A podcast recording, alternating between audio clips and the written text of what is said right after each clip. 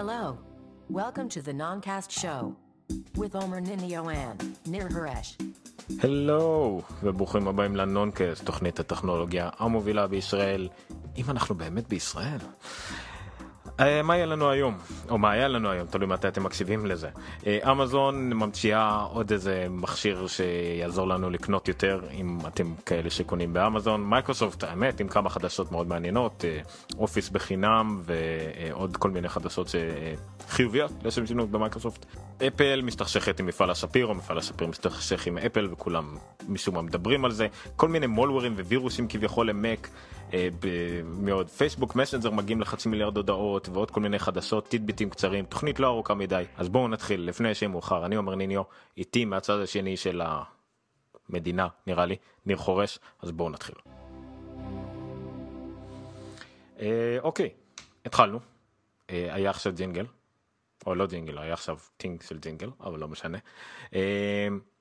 אתה יודע מה אומרים על זה שלגברים משום מה תמיד אה, חשוב אה, הגודל והשופוני אבל הגודל לא באמת קובע מצד שני תמיד אנחנו רוצים הכי גדול וכל זה באמת אנחנו יודעים את זה כאנשים נאורים והגיוניים שזה הכל שטויות ורק האיכות והצניעות חשובים.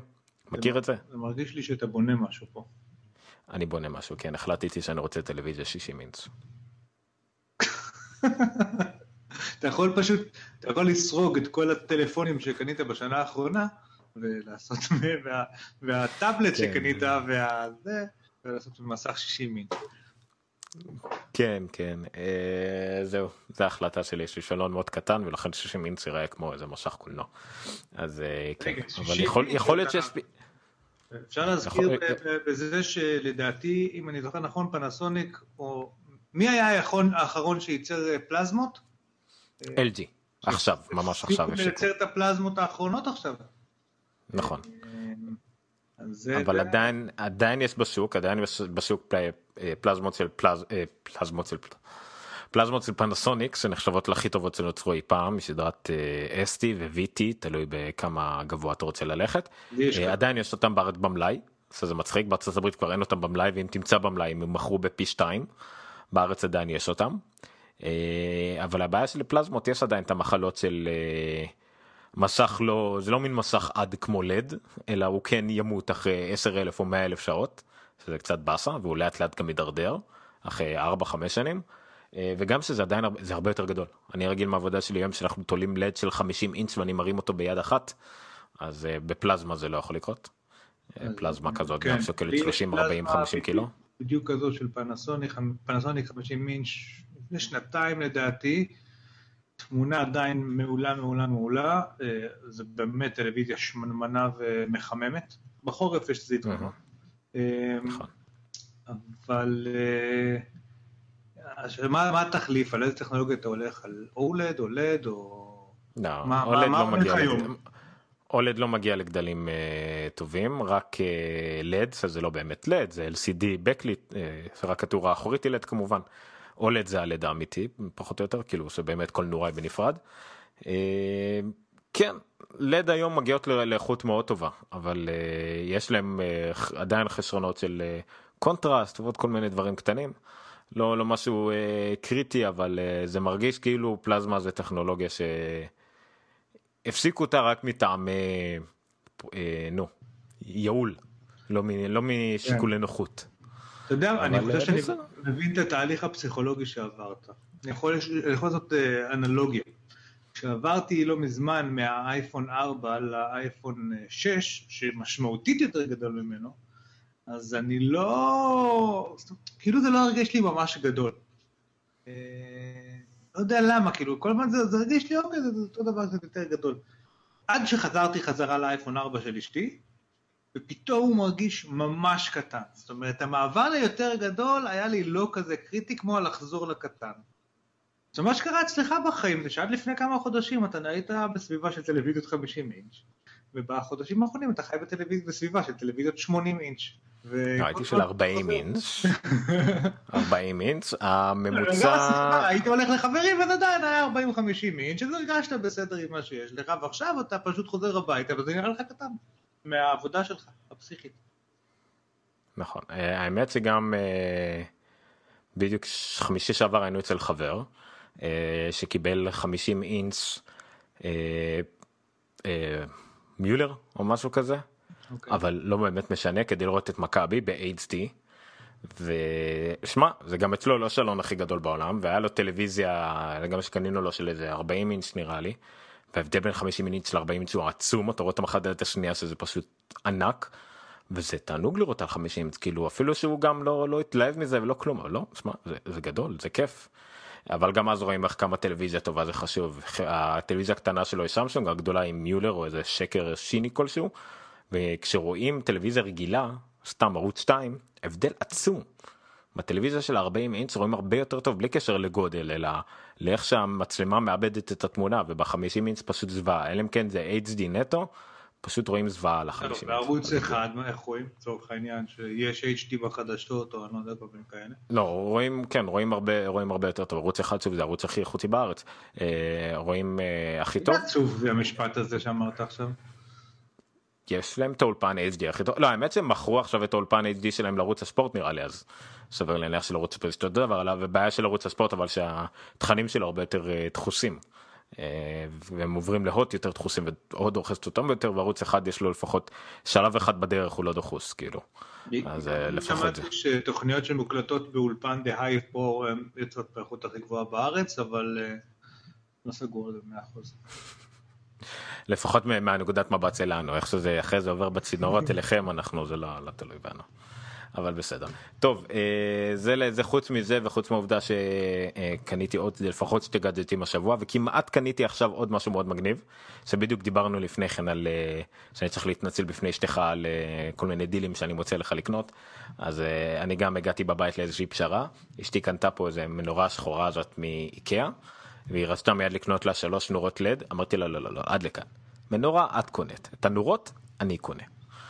אה, ואז עכשיו אני מברר לקנות או פיליפ שיו או בלקין אה, ווימו ואז כמובן ניסיתי לתרץ את זה בכל מיני הסברים שאנחנו ככה נוכל לשמור על חושך בבית כשאני יושן והיא מגיעה מאוחר ואז רק כשהיא תתקרב הביתה ה-GPS יפעיל את הנורה עם הווי-פיי בבית אה, עם IFTTT. אז זה כמובן שיבוש מאוד בגלל זה אנחנו צריכים מנורות חכמות אז זה כרגע הפשרה אצלנו בבית. זה הגיוני, על מנורה של איקאה שעולה 27 שקל, לשים מנורה ב-90 דולר, או שלוש.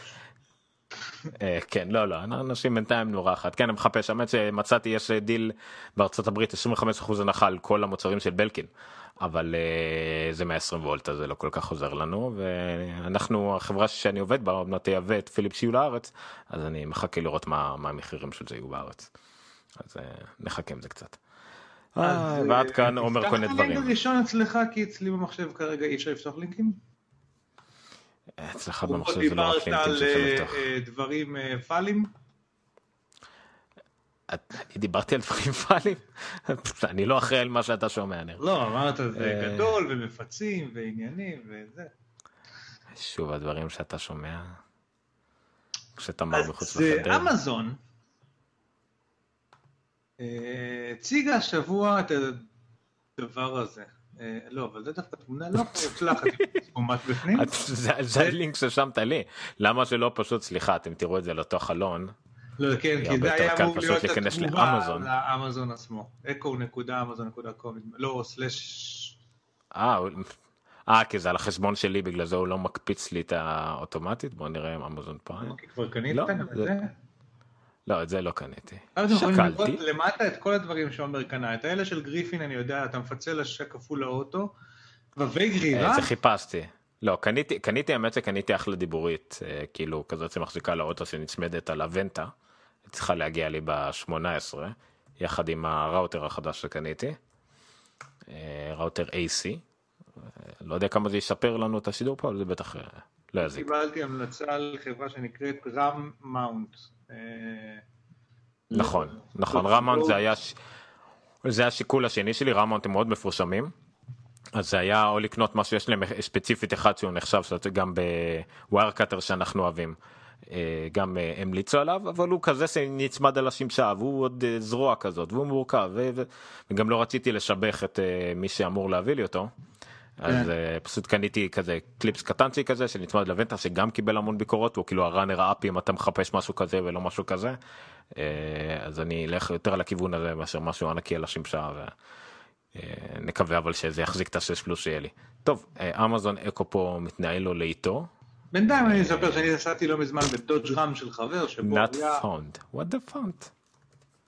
הם קרסו, אמזון קרסו, נראה לי זה ה breaking news שלנו. דודג' רם של חבר. אם אמזון קרס חצי מהאינטרנט קרס, זה לא כל כך אה, ככה עובד. עם רם מאונט שהחזיק, אה, אה, זאת אומרת הוא חיבר את המאונט הזה לדשבורד בצורה מאוד לא אגרסיבית אלא חזקה, והוא מחבר על זה גם אייפדים, וזה חזק, חבל על הזמן. נכון. לליפים וכאלה דברים, זה ליגה. אז בואי. אז הגענו לדילדו. רק שנייה. אה, הוא הלך. לא, לפני זה על הרמונט, שהייתי כאילו שאלתי, התייעצתי עם יול מה לקנות, מצד אחד דבר מגניב, אה, קטן וזה, מצד אחד שמשה, אבל זה של השמשה, תתלונן שהוא ייפול וכאלה, ואז אני מנסה להראות לה איפה התמונה הזאת. איפה זה? אה, טוב, דווקא פה הם לא מראים את זה. יש פשוט, אתה רואה את הרמונט הזה מוצמד כאילו לחלון של F16. אז uh, אני חושב שזה די אומר כמה מילים על כמה, כמה הוא חזק או כל מיני כאלה. זה מוחזק עם, אה, רואים פה בתמונות על אה, אופניים ועל, או, oh, הנה פה יש איזה משהו כזה שזה מוצמד למטוס. לא משנה, קיצור זה, זה רמונט ואתה צודק שזה באמת חזק והכל, אבל אני הלכתי על משהו קצת יותר אינטימי. ולענייננו, כי הצלחנו לגלוש עוד לפני שהתחלנו. אז הסיבה שהיה קצת קשה להגיע לאקו, המוצר החדש של אמזון, שזה מוצר שהוא על פי הזמנה, זה לא מפורסם כאילו בעמוד ראשי יותר מדי וכאלה, וגם כדי לקנות אותו צריך לקבל אינביטיישן. מי שרואה על המסך רואים גם שהמחיר שלו הוא 199 דולר, אבל 99 דולר אם אתם פריים, בגלל זה שקלתי אולי לקנות אותו, אבל נראה לי נורא כל כך לא יעיל בארץ. אפילו מה שכן יכול להיות ביעיל בארץ אולי זה איכשהו לנהל את המוזיקה ולשמוע מוזיקה או רדיו וכאלה, אבל גם זה לא רלוונטי. מה גם שהוא הרבה יותר גדול מאיך שהוא נראה בתמונה. אז בוא קצת כי אתה נראה לי רמת ההתלהבות שלך הייתה טיפה גבוהה משלי, תן טיפה רקע על זה, מה זה, למה זה? היי סירי, what is Amazon Echo? I found an entry about Echo on Wikipedia. Shall I read it to you? No, thank you. Bye. I live to serve. זה אמזון אקו, בגדול. בגדול מה שאמזון עשו, הם הוציאו איזשהו את הגליל הזה, שהוא מבחינה טכנולוגית מצד אחד איכותי, זאת אומרת, הדבר הזה הוא אמור להיות assistant כזה, עוד assistant כמו סירי, כמו אה, קורטנה של מייקרוסופט, כמו מה שיש לגוגל, שהוא אוקיי גוגל כזה, עוד אחד מהאמצעים לגשת לאינטרנט ולקבל מידע מהאינטרנט על ידי דיבור. הם שכללו אותו על ידי זה שהם השקיעו מאוד באודיו, גם על ידי שבעה מיקרופונים עם הקלטה היקפית, noise cancelling, וממש כאילו לתת את האפשרות שהוא יוכל להקליט ממש טוב, גם בסיטואציות קצת רועשות, בזמן שמתנגנת מוזיקה נגיד בבית, אפשר לשאול אותו איזה שיר זה וכאלה דברים. גם השקיעו באודיו שלו, שאמור להיות יותר זורם, נקי, פחות רובוטי קצת וכאלה. אבל בסופו של דבר, המכשיר הזה, זה מה שהוא עושה, מאוד דומה לאחרים,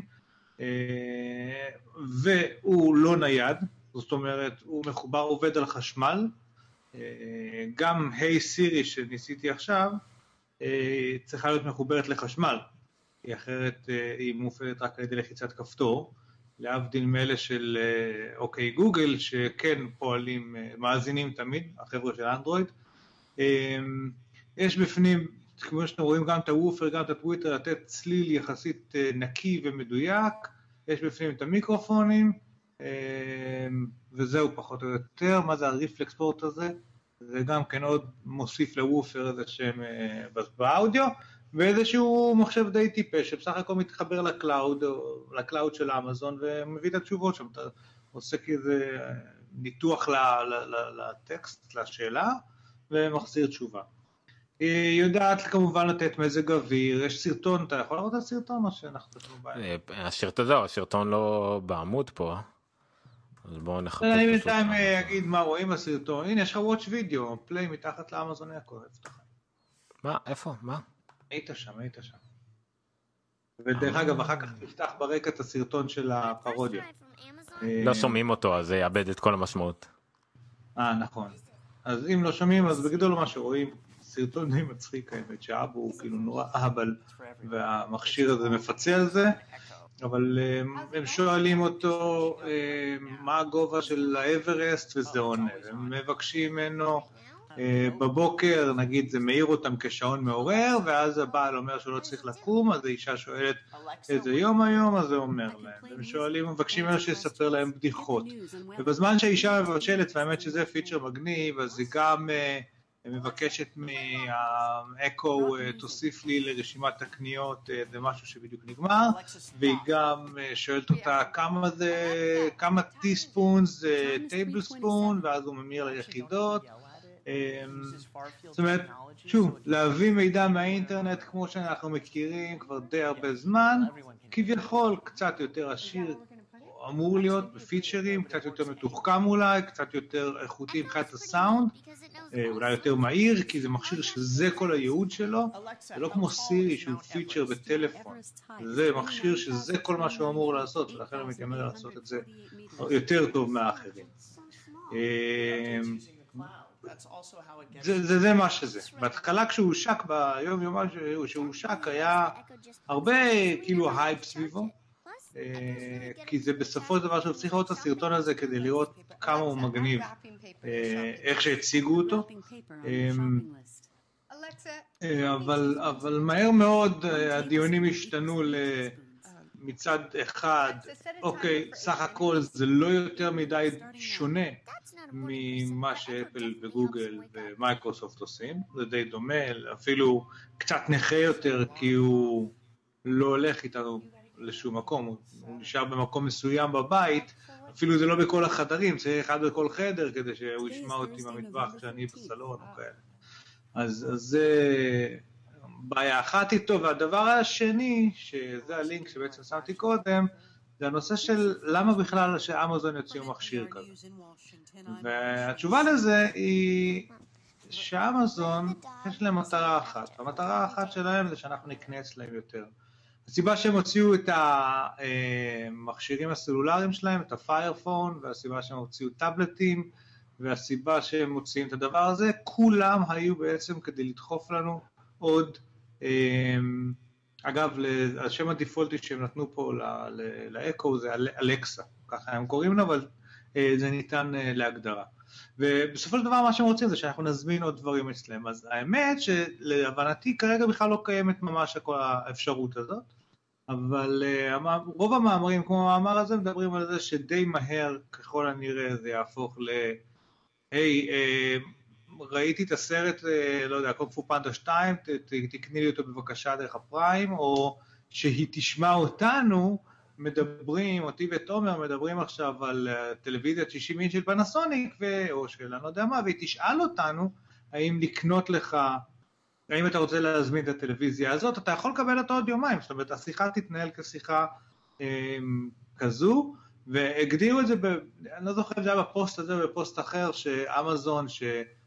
רשמה פטנט בזמנו על ה-one click purchase, נכון? הם רשמו את הפטנט הזה.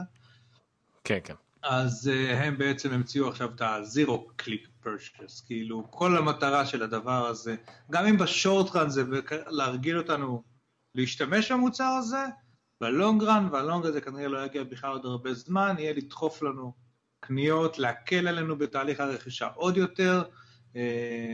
כמובן שיש לציין שלמרות שהם טוענים ש...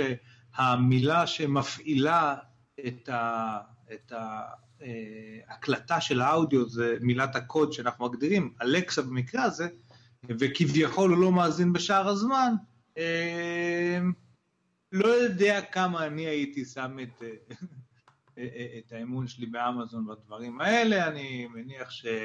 לא יודע, גם אם הם לא מאזינים כל הזמן, אז השאלה היא כמה זמן אחרי שאמרתי את המילה אלקסה אז הוא כן מאזין, אני לא יודע, כאילו, יש הרבה שאלות לגבי כמה הוא מצוטט לחיים שלי בבית וידחוף לי אחר כך לפי זה פרסומות, כי הרי זה מה שעושים היום באינטרנט, בודקים מי אתה ומה אתה מעניין אותך ומה אתה אוהב לפי החיפוש שלך בגוגל ולפי האתרים שאתה נמצא בהם ולפי זה ולפי זה, ואז דוחפים לי קניות, או לפי מוצרים שהתעניינתי בהם באמזון. ואז דוחפים לי דברים שבטוח, כאילו, שיש סיכוי גבוה שאני ארצה. אז זה בסופו של דבר המכשיר הזה. אה, כמה שאני מסויג פה, עדיין צריך לראות את הסרט, את הסרטון הזה, כי הוא מגניב לגמרי. אה, מה לך יש להגיד? אני מסכים כי אני, אני ראיתי גם את הפוסט שאתה העלית מיד לפייסבוק של גיקסטר אם זה עובד כמו שאומרים זה בהחלט מגניב אה, אבל לאמזון יש את המחלה הזאת שהיא לאחרונה היא כמעט כל מוצר חומרה שהיא הוציאה היה מאוד מגניב על פניו אה, אפילו עיצובית אפשר להגיד לפחות עד שנגעו והשתמשו בו גם ממשקית אבל היה להם שתי כמה בעיות עיקריות אבל. א' כל שוק מאוד קטן אה, שזה מיועד רק לארצות הברית גם בפיזית באיפה שהוא נמכר וגם במהותו ובקהל היעד שלו כמובן שגם חלק מהדברים נמכרים ב-UK באנגליה ובעוד מקומות אבל עדיין הקהל יעד מאוד מאוד מצומצם. דבר שני הוא uh, שהחומרה שלו פיזית הרגשה ומבנה והרכבה והכל די מאפנים. ה Fire TV בצד כי ה Fire TV די יפה אבל מצד שני ה Fire TV זה קובייה שחורה שלא עושה כלום. אבל כל ביקורות חומרה שהיו להם אמרו שזה פשוט לא משהו גם ה Fire Phone וגם אפילו הקינדלים. אני רוצה לחדד את המשפט שאמרת קודם אמרת שלאחרונה הם אה, לא משהו בעולם החומרה. אני חושב שאפשר לנסח את זה כל מה שהוא לא קינדל אצלם הקינדל reader האמיתי שהוא מוצר נפלא לטעמי אה, הוא לא משהו. זאת אומרת הוא נועד לסחוף לך תוכן והוא לא משהו. תראה גם הקינדלים גם הקינדלים לאחרונה אולי בעקבות זה גם קיבלו הרבה ביקורות. א' כל הרבה התייחסו לקינדל כפשוט הוא הכי טוב מסוגו כברירת מחדל. כי פשוט הם היו מספיק מוקדם בעסק הזה הם הוציאו את ה... את האי-אינק רידר הראשון הטוב והם גם היו עם החנות אי-בוקים הגדולה הראשונה שהשתלבה עם החנות עצמה שהיא נורא גדולה הם השתלטו גם על אודיבל ועל עוד חנויות והם פשוט נהיו מאוד. גדולים ומשמעותיים בשוק הזה ככה שאין להם תחרות אז הקינדלים שלהם כברירת מחדל היו הכי טובים בעסק. לא, אבל זה לא, מיני זה, סיבות. הם שיפרו אותם וה Paperwhite טוב יותר מקודמיו וה Voyager נכון אבל, אבל Voyager תראה, תראה את הביקורות שהוא שקיבל ה Voyager כמעט כולם אמרו שזה לא שדרוג משמעותי אמזון כבר היא בשלב שבו זה היה חייב להיות כבר המכשיר והוא פשוט לא מספיק טוב הם כל פעם מצליחים לעשות טעויות אחרות. לא, לא, לא, פה...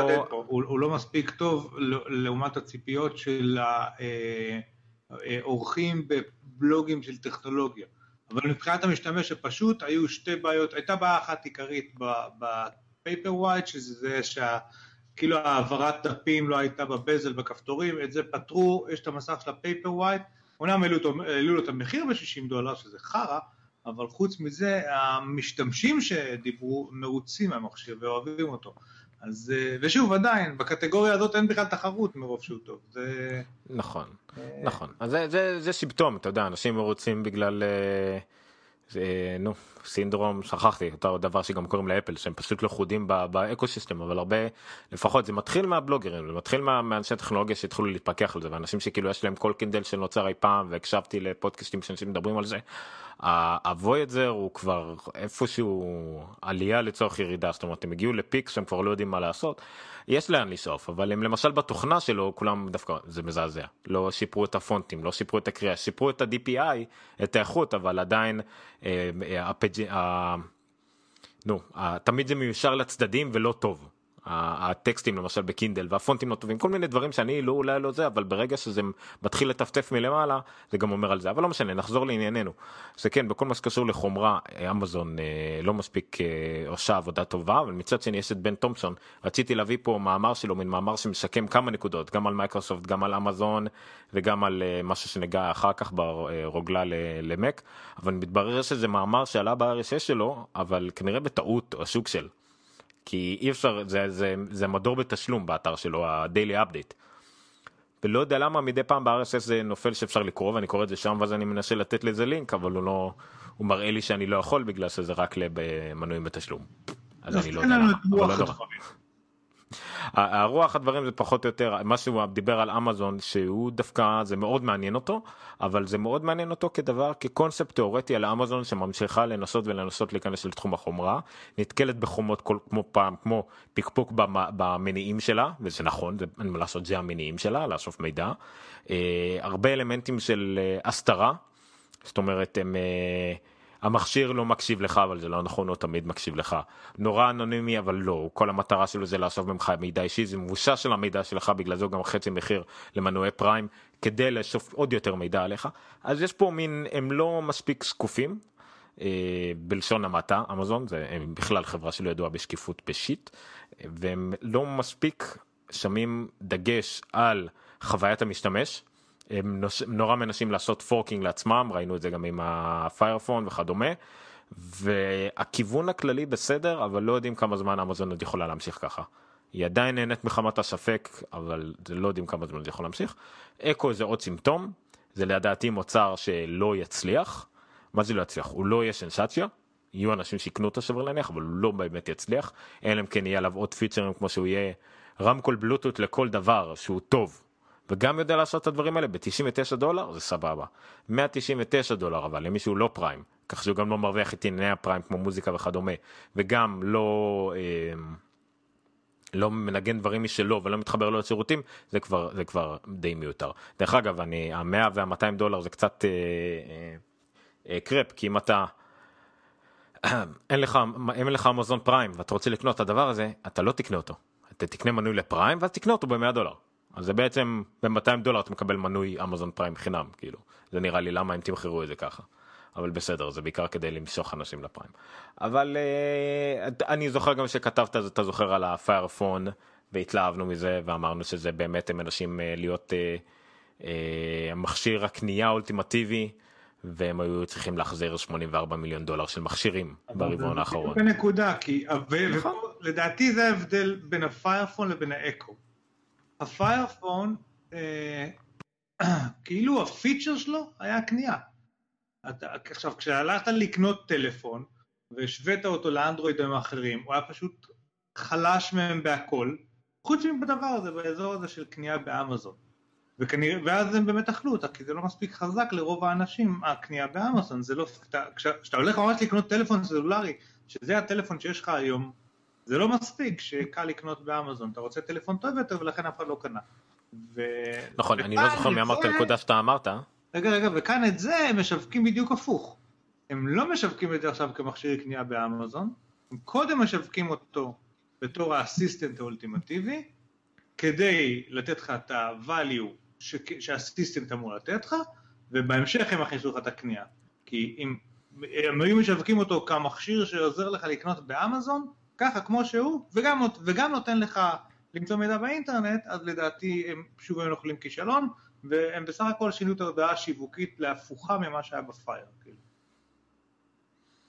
נכון, נכון, הפארפון, אה, אפילו אם זה לא היה לגמרי עניין של מטרת שיווק הפוך, אבל כן, האנשים שאתה קונה טלפון, אתה קונה משהו שיהיה עליך בשנתיים הקרובות, ועוד אם שיווקו אותו במחיר של טלפון מלא, ולא חינמי ולא איזה משהו כזה, ורק ב-AT&T וכולי, אז כל השיווק שלהם בפארפון היה, היה לגמרי שגוי, זה כאילו אמרו אנחנו חייבים להוציא טלפון כלשהו, אני לא יודע בדיוק מה היה הסיבות, אבל כן, הפארפון כ... מכשירים כאלה כמו שהם ינסו להוציא לפטופ או כל דבר שהוא נורא הכרחי לחיים של אנשים הם לא הם לא יוכלו להצליח. טאבלט כדבר נוסף במיוחד כי עולם התוכן שלהם הוא כן טוב ומשתפר אוקיי. אסיסטנט שיכול לעזור בדברים ואולי גם להזמין קניות אז כן. אם מי שזוכר אולי גם דיווחנו על זה קצת הם הוציאו גם את ה wand הזה. מין דבר שאתה יכול ללכת איתו בבית ולסרוק ברקודים ואז להזמין את הכל כל מיני דברים כאלה. אה, אז זה יותר הכיוון אבל אם חייבים להוציא את זה כמכשירי ניסה עכשיו שהם מוצאים את זה עם invitation וכאלה אולי זה באמת הדרך הטובה לעשות את זה. אמזון היא mass market היא, היא היא ענקית בתחום הריטייל ב- לכל אדם ויכול להשתמש בזה הכל בתחום הטכנולוגיה והגאדג'טים הם חייבים להיות קצת יותר נישתיים הם מנסים לכוון כאילו לכל אדם פשוט אבל לא כל אדם פשוט יסתדר עם זה. דרך אגב מעבר, מעבר ל... אה, למה שאמרת קודם שמפסיק כאילו הבלוגים של טכנולוגיה והכתבים הטכנולוגיים כבר פחות סלחנים כלפי אמזון בקטע הטכנולוגי, אז אמזון היא חברה גם שלא הרוויחה שקל אף פעם. כאילו היא תמיד אה, לא מראה רווחיות, וגם, היא לא מראה רווחיות אבל היא גדלה.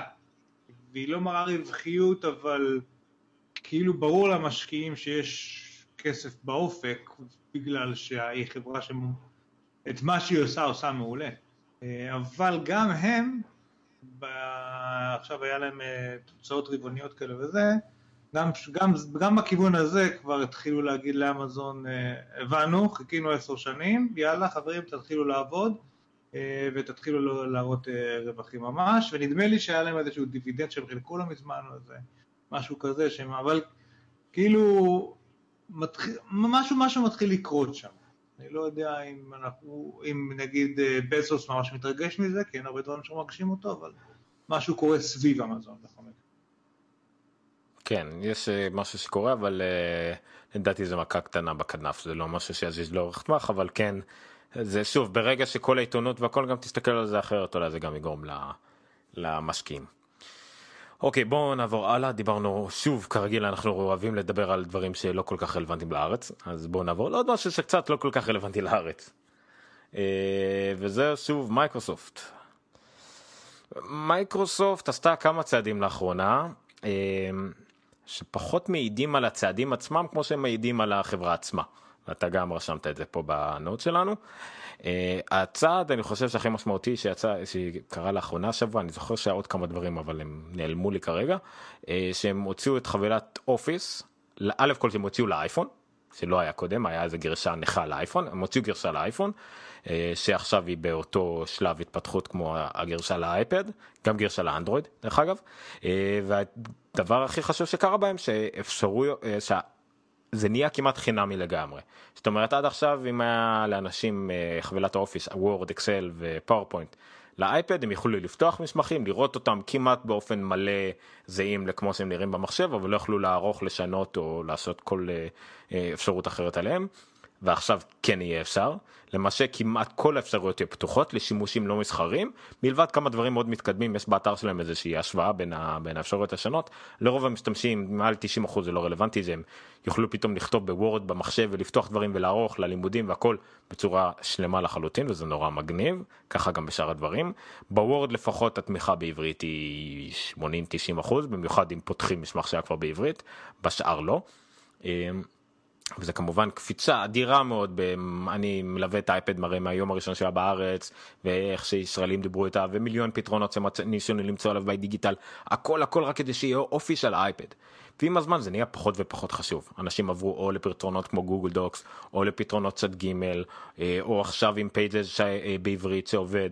כל מיני פתרונות ואופיס פתאום נהיה קצת פחות פחות רלוונטית ועכשיו זה העלה את זה חזרה לתודעה וקצת אפשר יותר להמליץ בלב שלם לאנשים שמחפשים טאבלט לשימושים לימודיים או אפילו משרדיים פתאום האייפד הוא כמעט לגיטימי לגמרי יש לי חבר שהוא אה, אה, עורך דין מתמחה שהוא תמיד מתלבט על טאבלט אמרתי לו אין למה אם אתה רוצה טאבלט שמתאים לך זה רק הסרפס רק אלה שיכולים להריץ אופיס וגם הסרפס מריץ גרסה של אופיס על טאבלט וזה לא הכי נוח הכי נוח. אז פתאום האייפד או טאבלט של אנדרואיד מספיק טוב. אני אחלה פתרונות לאופיס. אה, אבל זה כל זה דווקא זה זה בקטנה זה משהו שמייקרוסופט עשתה אבל זה מעיד על משהו הרבה יותר גדול ממנה שכיוון שאתה כנראה אתה קראת יותר מאמרים על זה ספציפית אוקיי. לפני שאתה מתרחב אני רוצה טכניקליטי בנושא הזה. להבנתי בשישי לפני כמה ימים כאילו ברגע שהכריזו על זה יצא איזשהו עדכון באמת אם היה לי הרי את האפליקציות האלה וורד אופיס פאורפוינט וורד וואן נוט פאורפוינט ואקסל אוקיי. יצא עדכון באמת בשישי לנובמבר. אבל כשאני רוצה להיכנס הוא עדיין מבקש ממני sign in ל-365. אחרת הוא אומר... לא, לא, נכון. לא, לא, נכון, נכון, אתה צריך חשבון. אתה לא צריך חשבון בתשלום. לא, אתה צריך חשבון מייקרוסופט. זה לאו דווקא 365. אה, אתה אומר עם ההוטמייל שלי? בדיוק אתה צריך כאילו כולם היו צריכים אני חושב שזה כבר היה אמור לקרות לכולם כולם צריכים להמיר את החשבון שלהם למייקרוסופט account מה שנקרא כמו אפל ID ואז רק אתה צריך את זה כן אתה רק צריך את זה. זה נותן לך גם את ה OneDrive כדי שיהיה לך איפה לשמור את המסמכים כי בלי זה למרות שעכשיו זה עוד איזה סליחה זה לא אמרתי עוד פיצ'ר מאוד חשוב שיש אינטגרציה עם, אה, עם דרופבוקס. מאוד חשוב אבל גם בלי זה היית צריך איפשהו לשמור את המסמכים בשביל זה אתה צריך לפחות OneDrive ולפחות מייקרוסופט account וכל זה חינמי זה נהיה מקביל לגוגל דוקס זאת אומרת אתה נרשם לשירותים ש... או סליחה גם של אפל עכשיו. אתה יש לך שם וסיסמה אצלנו יש לך חשבון אצלנו יש לנו את הפרטים שלך תקבל בחינם אימייל נפח אחסון מסוים כל אחד והנפח שלו וחבילת אופיס זה כולם שים לב זה גם גוגל גם מייקרוסופט וגם אפל כן. כולם מציעים בדיוק אותו דבר. עם יתרון אחד לגוגל שהם באמת יש אותם על כל הפלטפורמות. החיסרון שזה לא תמיד אפליקציות שהן native מלאות. למייקרוסופט יש את היתרון שיש להם אפליקציות מעולות והם כמעט על כל הפלטפורמות חוץ ממייקרוסופט סרפס ווינדוס מובייל שזה מגוחך אבל כן, דווקא שם כן. אין את האופיס אין את האופיס הנורמלי. זה אה, מופיע עכשיו הכרזה של אופיס מובייל בלי המוצרים של מייקרוסופט. כאילו מייקרוסופט נכון. הוציאו אופיס מובייל לא למייקרוסופט. נכון וגם אין אותם על כרומבוקסים. שזה, שזה גם מצחיק כי יש לך את Pages, Numbers, אה, אתה יכול, לא, לא, לא, גם על כרום, סליחה, נכון, על כרומבוקים, אבל גם על כרומבוקים אתה יכול בעצם, כי יש לך Office in the cloud, סליחה, אז כן, אז בעצם היחידה שהיא אה, טיפה בחיסרון, לא, אין לאף אחד, בואנה, כולם באמת אותו דבר, עכשיו שאני חושב, אפילו אפל, הכי גן סגור בעולם, אתה יכול להריץ את האופיס שלה כמעט מכל דפדפן בכל, בכל כן. מחשב. שזה מדהים. כן, נכון. דיברנו על זה שהם נכנסים אחד לדומיינים של השני. סוף העולם. מה? סוף, אני אומר זה, זה כמעט סוף העולם כרגע זה סינגולריטי, לא, הגענו לא, לסינגולריטי. כאילו, מייקרוסופט שהייתה חברת תוכנה נכנסת לעולם של החומרה, גוגל שהייתה חברת, אה, אה, נכנסת לעולם של החומרה ושל השירותים, גוגל שהייתה חברת שירותים נכנסת לעולם של החומרה והתוכנה, ואפל שהייתה חברת חומרה נכנסת לעולם של השירותים והתוכנה. זאת אומרת, אה, תמיד האמת היא תוכנה, אבל... אה, שים לב אבל לכולם, לכולם אבל יש אינטרס ברור, מלבד מייקרוסופט לדעתי, שהאינטרס שלהם עוד לא ברור. אז אה, יש פה... לאפל, לאפל יש אינטרס מאוד ברור של למכור עוד חומרה על ידי לתת שירותים אקסטרה, לגוגל יש יתרונות מאוד ברורים על... Uh, לתת כמה שיותר שירותים ויותר מידע על ידי שהחומרה שלהם שהם תומכים בה יהיה בכמה שיותר אנשים ומייקרוסופט אז אתה מוביל לא, אותי, עדיין לא לגמרי. ללינקים ששמתי פה בהמשך, אה, נגיע אליהם אז... לגמרי במקרה, בכלל לא התכוונתי להוביל לשם, ממש לא. זה רק מראה שלא קראת אותם ולא עשית שיעורי בית. אה, קראתי יותר, הבעיה שאני לא זוכר כלום. אה, בקיצור, החבילה של, אה, בנוסף לחינמי הזה שהם, שהם הכריזו עליו למובייל, שמייקרוסופט הכריזו למובייל של אפל ושל גוגל, אז הם הכריזו על עוד חבילה אחרת, גם נחמדה אגב, שב-199 דולר אתה מקבל סקייפ unlimited, שזה שיחות יוצאות מהסקייפ אם אני זוכר נכון ללא הגבלה. רגע רגע באיזה שלב אתה מקבל את זה? זה אם אתה עושה איזשהו account של 199 דולר לשנה. אוקיי. אתה רואה שזה bundle כזה, אז אה, אוף, זה לא נפתח אצלי, קיבינימט. תפתח אצלך. בקיצור, אז אתה מקבל Xbox Live Gold ואת ה Office 365 במחיר הזה של... זאת אומרת, יש לך אפשרות ללכת על ה free, ונתנו לך אפשרות איזשהו bundle טוב יותר גם ב paid, גם בפרימיום. אה, ושים לב שה bundle הזה הוא מחבר את Office, אה, את העולם של Office עם עולם של Xbox ועם סקייפ, כאילו שעד היום זה היה, כל אחד מהם נפרד לחלוטין מהשני. אה, זה, זה, זה מעניין בהקשר של, תכף נשמע מה סטיה נדלה אומר, של מי, מי בעצם, מי זאת מייקרוסופט היום. אמ, אז, אז זה ה bundle הנוסף שבא קצת אה, יומיים שלושה אחרי שהם אה, דיברו על זה ש... אמ, שיש להם את החינמי ל mobile, ואז עוד, עוד, עוד, פאז, עוד חלק בפאזל הזה של מייקרוסופט הגיע יום, אני כבר לא זוכר, זה היה כמה ימים אחרי הזה של ה-iOS וזה יום לפני ה bundle, אני לא זוכר, אבל סטיה נדלה עלה על במה ברדמונד, שדרך אגב עדיין נשמע לי מוזר ש, ש, שברדמונד עומד מישהו שהוא לא באלמר או גייטס, אבל אה, אנחנו נתרגל לזה באיזשהו שלב. טוב, גם, גם את הלינק הזה אני לא כך יכול לפתוח, אז תנסה אתה לפתוח את הלינק הזה. הוא עמד על במה ובעצם אה, עשה איזושהי שיחה לעובדי מייקרוסופט שמנסה אה, לתת להם את ההבנה של מי הוא, מי זאת מייקרוסופט, מה הם, לאן הם הולכים, במה הם מתרכזים, אה, ואם תראה טיפה למטה, אה, יש פה כל מיני, אתה רואה את הקטעים האלה האפורים, שבהם הוא, הוא גם מדבר, כאן הוא אומר, הנה תסתכל במודגש, שאלת קודם מי זאת מייקרוסופט או מה היא מנסה לדחוף או איפה ה-core business שלה, אז הוא אומר מייקרוסופט היא שלושה דברים, זה Windows, זה Office 365 וזה Azure, שזה הפלטפורמה שלה למפתחים ולכאלה. אה, מתוך זה נגזרים עוד דברים, אוקיי? מתוך זה יכול להיות שיגזר גיימינג, כי גיימינג יגרום למפתחים להשתמש באזור, ומתוך זה יכול להיות שיגזר, אני לא יודע, עוד תחומים אחרים ש... ש... שיקדמו את אחת משלושת הדברים האלה, אבל אה, מבחינתם זאת אה, מייקרוסופט, שזה דבר די מעניין. יחסית למהלכים שקרו בשנים האחרונות, הרי כש, כשהוא נכנס לתפקיד, הוא השלים את המהלך של רכישת נוקיה וכל מיני דברים כאלה, שבזמנו אנחנו אמרנו שמייקרוסופט מתפזרים ליותר מדי כיוונים.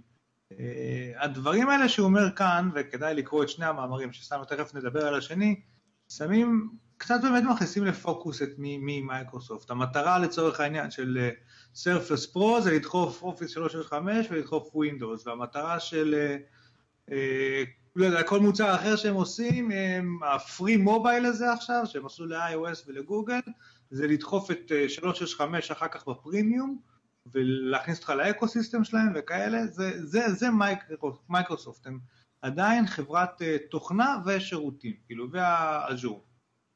אה, עכשיו תרד, יש שם עוד פסקה בלינק השני שאתה פתחת עכשיו, שבה הוא מנסה להגיד, אה, אני לא יודע אם אני אכנס לזה ככה, מה, מה הוא אוהב ב Apple, מה הוא אוהב בגוגל, או, או, או מה הוא חושב, הוא אומר ש, שטים קוק תמיד, או did a great, even, uh, a great job of even describing that very recently where he said that the, they sell devices um, and, and, and that's what Apple is all about. אפל היא חברת devices, ואצל אפל כל שאר השירותים, iTunes ו-iCloud וכל אלה נועדו לתמוך בזה שמוכרים מכשירים. אה, ושוב פעם, דיברנו קודם על ההפרדה הזאת, כל אחד נכנס ל domainים של האחרים, אבל כאילו כדי לדחוף את ה-core business שלו.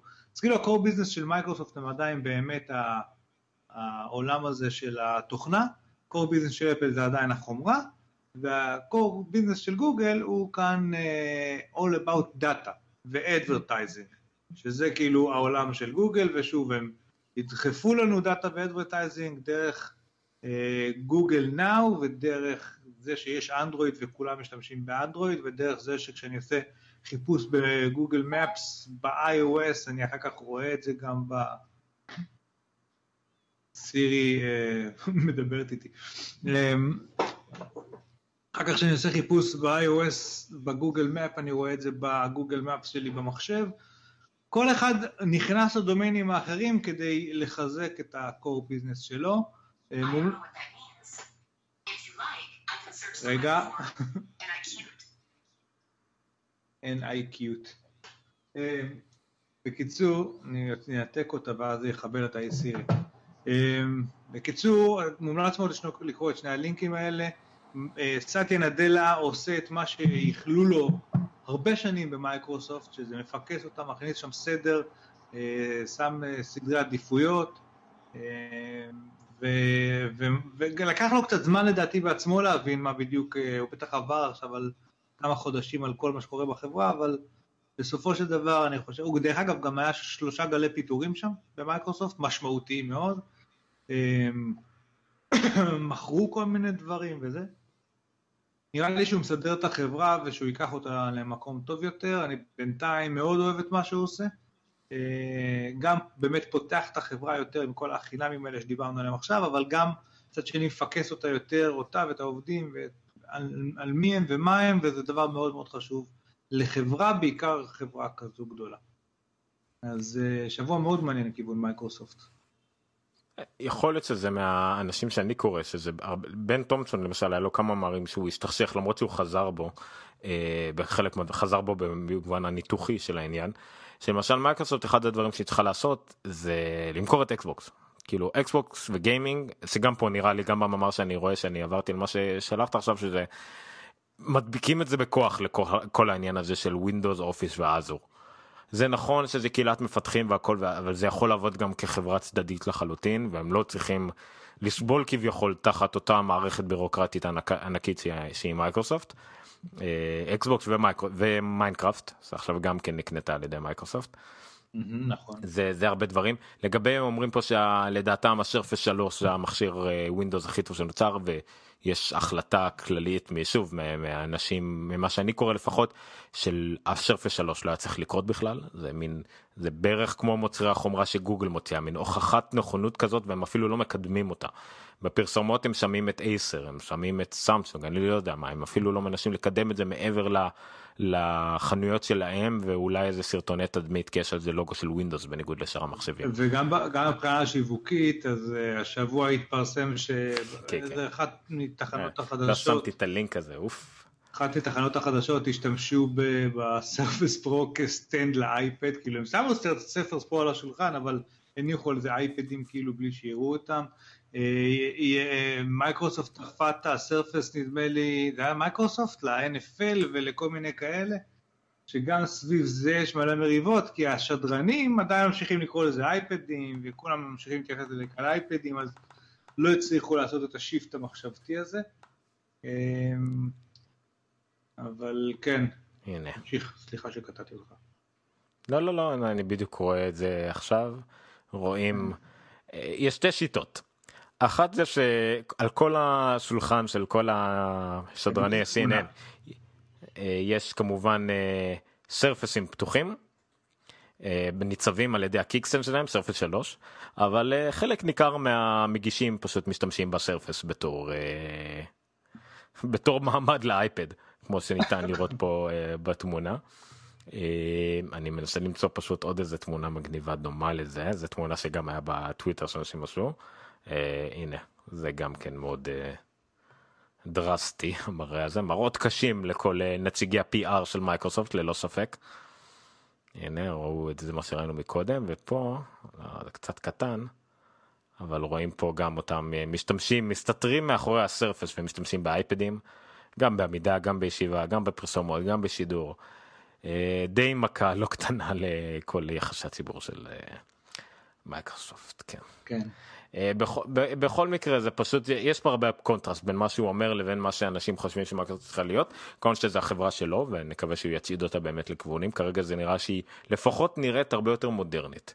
היא נראית הרבה יותר כי אנשים לא רגילים לשלם 700 שקל חבילת תוכנה אלא אם כן אתה בחלק אה, בהסתדרות המורים או משהו כזה ואז אתה משלם 7 שקל 90 בערך. אבל אה, כן זה, זה, זה יש מודרניזציה בעניין זה טוב שהוא ממקד את זה אני מסכים איתך לחלוטין. מייקרוסופט מאוד חשובה בשוק התחרותי הזה. גוגל חייבת תחרות מצד השירותים. אפל צריכה חברה שתיתן לה תוכנות טובות ולא פתרונות טלאי ושירותי טלאי כמו שאפל עושה לצערנו. למרות שהחומרה שלה הכי טובה בביזנס אפשר להתווכח על כל השאר. אה, אז כן מייקרוסופט מאוד חשובה. היא מזמן גם אתה רואה כל ה... הפודקאסטים וכל התוכ... הבלוגרים שאני שומע ישירות על אפל פשוט אומרים לא קוטלים את מייקרוסופט יותר. כן יש מה לקטול לא, לא חסר. למשל על הרצועה שהם uh, הוציאו דיברנו על זה שבוע שעבר נכון? על המייקרוסופט בנד uh, כן. uh, זה חתיכת דבר מחורבן. זה זה המוסכמה בין כל הבדיקות שעשו. uh, בבדיקות דופק זה היה משהו כמו איזה 40 פעימות לדקה בהפרש ממה שאמיתי דברים נוראים זה לא נוח. קיצור לא, לא בטוח משהו שהם צריכים לעשות כרגע. לגמרי מיטו אבל uh, בסדר יש להם כמה נפילות אבל הם כן חברה חשובה שתמשיך לנסות תמשיך לעשות דברים ותהפוך את האייפד שלנו לפחות להרבה יותר uh, פרקטי כן זה הרבה פחות uh, משמעותי מאשר אם באייפד אפילו שתיים. שיוצא היום אומרים לנו שיש אופיס לאייפד היינו הרבה יותר מתלהבים אבל בסדר. דרך אגב זה, זה באמת יפה לראות אולי זה נוסטלגיה של זקני השבט כולל אנחנו אבל. אה, כמה שמייקרוסופט הייתה מחורבנת בעשור האחרון, ובאמת היא הייתה די מחורבנת עם המון ויסטה וכל מיני דברים כאלה שקרו לה לאורך הדלת, Windows 8 שלא הצליח, כל מיני כישלונות מהדהדים יחסית, בקור, קור, קור ביזנס שלה, אה, עדיין אתה, אני וכל הכתבי טכנולוגיה ששמעתי איפשהו בעולם, כאילו מאוד רוצים שזה יצליח, מאוד שמחים שסאטיה נדלה הגיע, מאוד רוצים שהוא יוציא את החברה, זה לא עניין של פנבויז שאנחנו אוהבים את אפל או את גוגל או את זה, את זה אנחנו אוהבים טכנולוגיה, ומייקרוסופט חברה מאוד מאוד חשובה שעשתה המון בשוק הזה, ואנחנו באמת באמת באמת רוצים שזה יצליח הדבר הזה, ושתהיה עוד תחרות ושזה יוציא את השוק עוד קדימה, וזה נחמד לראות איזושהי כרגע, זה מאוד רגעי, בפאשלה הבאה של מייקרוסופט כולם ייכנסו בה שוק, אבל יש כרגע איזושהי, אה, להבדיל מאמזון שדיברנו עליה קודם, סביב מייקרוסופט יש כרגע איזושהי אנרגיה חיובית כזאת, משהו, משהו נחמד קורה שם. ודרך אגב, באמת בתקופה שהיו שם המון פיטורים ודברים כאלה, שכשהם קוראים נגיד עכשיו ב-HP אז הכותרות הן מאוד שחורות, אבל אה, סביב מייקרוסופט מקבלים את זה בסלחנות והבנה כחלק מה, מה-redesign שהוא עושה שם. אמ, אתה רוצה להיכנס את אה, בן תומפסון כאילו יותר לעומק של הדבר? לא לא לא לא אפשר לראות דיברנו על זה הוא פשוט דיבר גם על אקו דיבר גם על אופיס והדבר האחרון שהוא דיבר עליו זה יוביל אותנו לעניין הבא אה, שתי מכות למוניטין של אה, מערכות ההפעלה של אפל כמוגנות לחלוטין מווירושים ומנזקות ומרוגלות וכדומה כמובן שזה מוניטין מוטעה שכל מי שמבין טיפה יגיד לכם את זה למרות הטענה שאין וירוסים למק. אה, אבל עדיין שני דברים באמת סדקו את השריון הזה השבוע. הראשון היה מולוור שנקרא WireLocker. ווייר לרקר סליחה למה לרקר לרקר זאת אומרת עלוקת ווייר למה האמת שזה אחד מהשמות היותר מוצלחים ששמעתי אה, כי הוא די משקף מה שזה. אה, בוא נעשה, נעשה את המאמר הזה מאיימור איימור אה, זה אתר שעלה מאוד לאחרונה אה, בעקבות אחרי ירידה של מקוולד ועוד כל מיני דברים כאתר שהוא גם חדשות מעולה גם מאמרים וגם הוא, הוא נורא תומך אפל אבל תמיד נותן את הנקודת מבט השקולה. הם, אה, אי אפשר להגיד שהם לא פנבוי שם הם פנבוי לפנים אבל הכל שם מגובה. מגובה בעובדות מגובה בדעות מוצקות וכדומה. אוקיי. אז זה לגבי משהו שנקרא ווייר מה היה הייחוד העיקרי? אתה לא אה, אמרת שלא ממש שרקת או התעניינת בדברים האלה, נכון? אני, שוב, אני, מה שאמרתי לך קודם, off track, off air, זה שכאילו בשנתיים שלוש האחרונות, כל פעם צץ איזה מין משהו שאומרים איזה malware, תולעת, אה, אה, וירוס, אלוהים יודע מה, למק, או לא יודע מה, ושבוע אחר כך אומרים, טוב, אוקיי, זה לא משפיע על 90% מהשוק, וגם מי שמשפיע עליו, והנה אפל הוציאו patch יומיים אחר כך. אז כאילו התחלתי להתעלם מהדברים האלה. פשוט ככה. אוקיי, ואתה צודק, אה, אבל שני הדברים האחרונים האלה שיצאו, יש כמה הבדלים עיקריים. הראשון ההבדל אני תכף אדבר על ההבדל שמשותף לשניהם אבל הראשון ההבדל העיקרי שלו היה שמדובר על ידי נוזקה שאתה איכשהו מכניס למק שלך וזה אה, פוגע בכל מק באשר הוא אם בהנחה והוא התקין את הדבר הזה ואז זה יכול להוביל לפגיעה באייפון או באייפד שלך ברגע שחיברת אותו בכבל. וזהו זאת אומרת זה, זה נוזקה שעוברת מהמק לאייפון ולאייפד דרך הכבל. מיד שאתה מחבר זה זה במהותו כאילו מה שחמור. זה למה תיארו את זה כנוסקה מאוד חמורה שמשפיעה על המון מכשירים וכו' זה היה בגדול וזה הכותרות שתמצא גם בעיתונים המקומיים. מה זה אומר בפועל? בפועל זה אומר זה כדי להכניס את הנוזקה הזאת למק שלך היית צריך ללכת לאתר סיני שיש בו הרבה תוכנות למק פרוצות גנובות וכדומה בחינם שהוא מצהיר שהן בחינם ואנשים הולכים לשם בידיעה שהם הולכים להוריד תוכנות שבדרך כלל לא עולות כסף והם הולכים להוריד אותן בחינם אה, וברגע שהורדת אותם למחשב אה, כמובן שהמחשב בהנחה שעשית עליו את המק עשית עליו את ההגנה הבסיסית הוא מזהיר אותך שזה תוכנה א' כל זה מזהיר אותך שזה תוכנה שהורדה מהאינטרנט את זה אי אפשר לעקוף דרך אגב אף אחד לא יכול לעקוף את זה. אה, זה מודיע לך שזה תוכנה שהורדת מהאינטרנט אתה אם אתה בטוח שאתה רוצה להפעיל אותה אם אתה מפעיל אותה כשאתה במצב הרגיל של המק הוא גם יזהיר אותך שזה לא תוכנה שעברה את ה App Store זה לא תוכנה אה, שעברה את ה Gatekeeper ואתה לא יכול להתקין אותה אתה כמובן יכול להתעקש ולהתקין אותה בכל זאת. ורק אז הנוזקה הזאת בעצם מותקנת לך למחשב סביר להניח בסינית בכלל. ואז בעצם היא מחכה שתחבר אייפון ואייפד למחשב. ברגע שחיברת אייפון ואייפד למחשב היא לוקחת ממנו מידע בסיסי שהאמת אה, גם אתה יכול לראות איזה מידע היא לוקחת ממנו על ידי אם תתקינו את אייפון קונפיגוריישן יוטיליטי זה אפליקציה חינם ב, אה, באפל שפשוט יודעת אה, לתת לקחת את ההגדרות הבסיסיות של המכשיר שלך ברגע שמחובר אליו כבל ולקחת את המידע הבסיסי כמו ה-UDID של המכשיר פרטים עליו השם שלו ועוד כל מיני דברים. אין לה מה לעשות עם המידע הזה כרגע מה שהיא כן עושה איתו אבל היא מאפשרת עם המידע הזה סליחה טעיתי אז כשאמרתי שאין לה מה לעשות איתו היא לוקחת את המידע הזה ואיתו היא בעצם רושמת את המכשיר הזה אה, תחת החברה הפיקטיבית של התוכנה הזאת ובעצם מתקינה עליו פרופיל קוראים לזה provision profiles פרופילים של בדרך כלל enterprise משתמשים בה כדי לתת פרופילים מסוימים למכשירים שלהם. זאת אומרת אם אני הייתי באיזשהו enterprise גדול אני יכול לתת איזה פרופיל שמגדיר אוטומטית למכשיר אה, של, של העובד שלי אה, אם זה הגדרות VPN ורשת ולקחת מידע בסיסי על המכשיר כמו המצב שלו והכל ולשפוך את זה בבת אחת. אז הם משתמשים בזה זאת אומרת יש להם מין אה, פרופיל כזה של enterprise משתמשים בכלים האלה במידע שהם לקחו מהמכשיר שלך UDID זה הכי חשוב ויודעים לשתול שמה. אה, פרופילים וזה גם אפליקציות כי מי שיש לו enterprise גם יכול להתקין אפליקציות אה, משלו בלי, בלי ה App Store ואז הם בעצם אה, מתקינים את האפליקציות האלה על המחשב שלך אם המכשיר שלך לא פרוץ אין הרבה שהם יכולים לעשות יותר מדי האפליקציות האלה. הן כן יכולות אה, להשתמש בכל מיני APIs פרטיים וכאלה אבל לא יכולים לגשת לאנשי קשר או כל מיני כאלה אלא אם כן נתת להם אישור מפורש אה, ואף אדם בר דעת לא ייתן.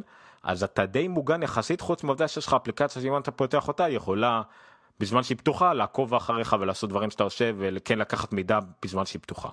זה למכשיר לא פרוץ. מכשיר פרוץ כמובן ברגע שהתוכנות האלה מורצות אצלו הן בעצם יכולות לעשות הכל. כיוון שמכשיר פרוץ הוריד את כל ההגנות שלו ואין שנדבוקסינג והכל ברוטד יכולים לעשות הכל לקחת את כל המידע את כל ה-IMMSH הכל הכל הם יכולים לקחת אה, וזה למכשיר פרוץ. עכשיו איך אפשר למנוע את זה? יש, יש דרך למנוע את זה ויש דרך לפתור את זה. הדרך למנוע את זה זה א' כל לא להוריד תוכנות גנובות או פרוצות וכדומה מאתרים סינים בכלל היית צריך להיות ללכת ספציפית לאתר הסיני הזה בסינית ולהוריד משם. דבר שני כשאתה מחבר אה, כל פעם שאתה מחבר אייפון ואייפד למחשב הוא שואל אותך אם אתה סומך על המחשב הזה.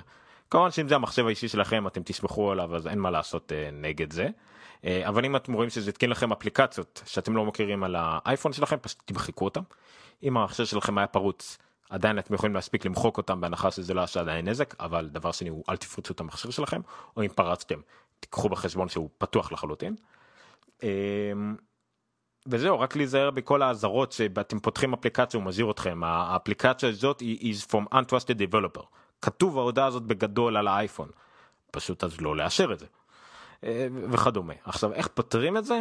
מאוד פשוט. כיוון שהחברה הזאת שהתקינה לכם על האייפון את האפליקציות הפרוצות האלה כי זה החברה הזאת שגם התקינה את התוכנה הזאת על המק היא חייבת כדי לעשות את זה חייבת איזשהו enterprise אה, אה, חשבון enterprise באפל.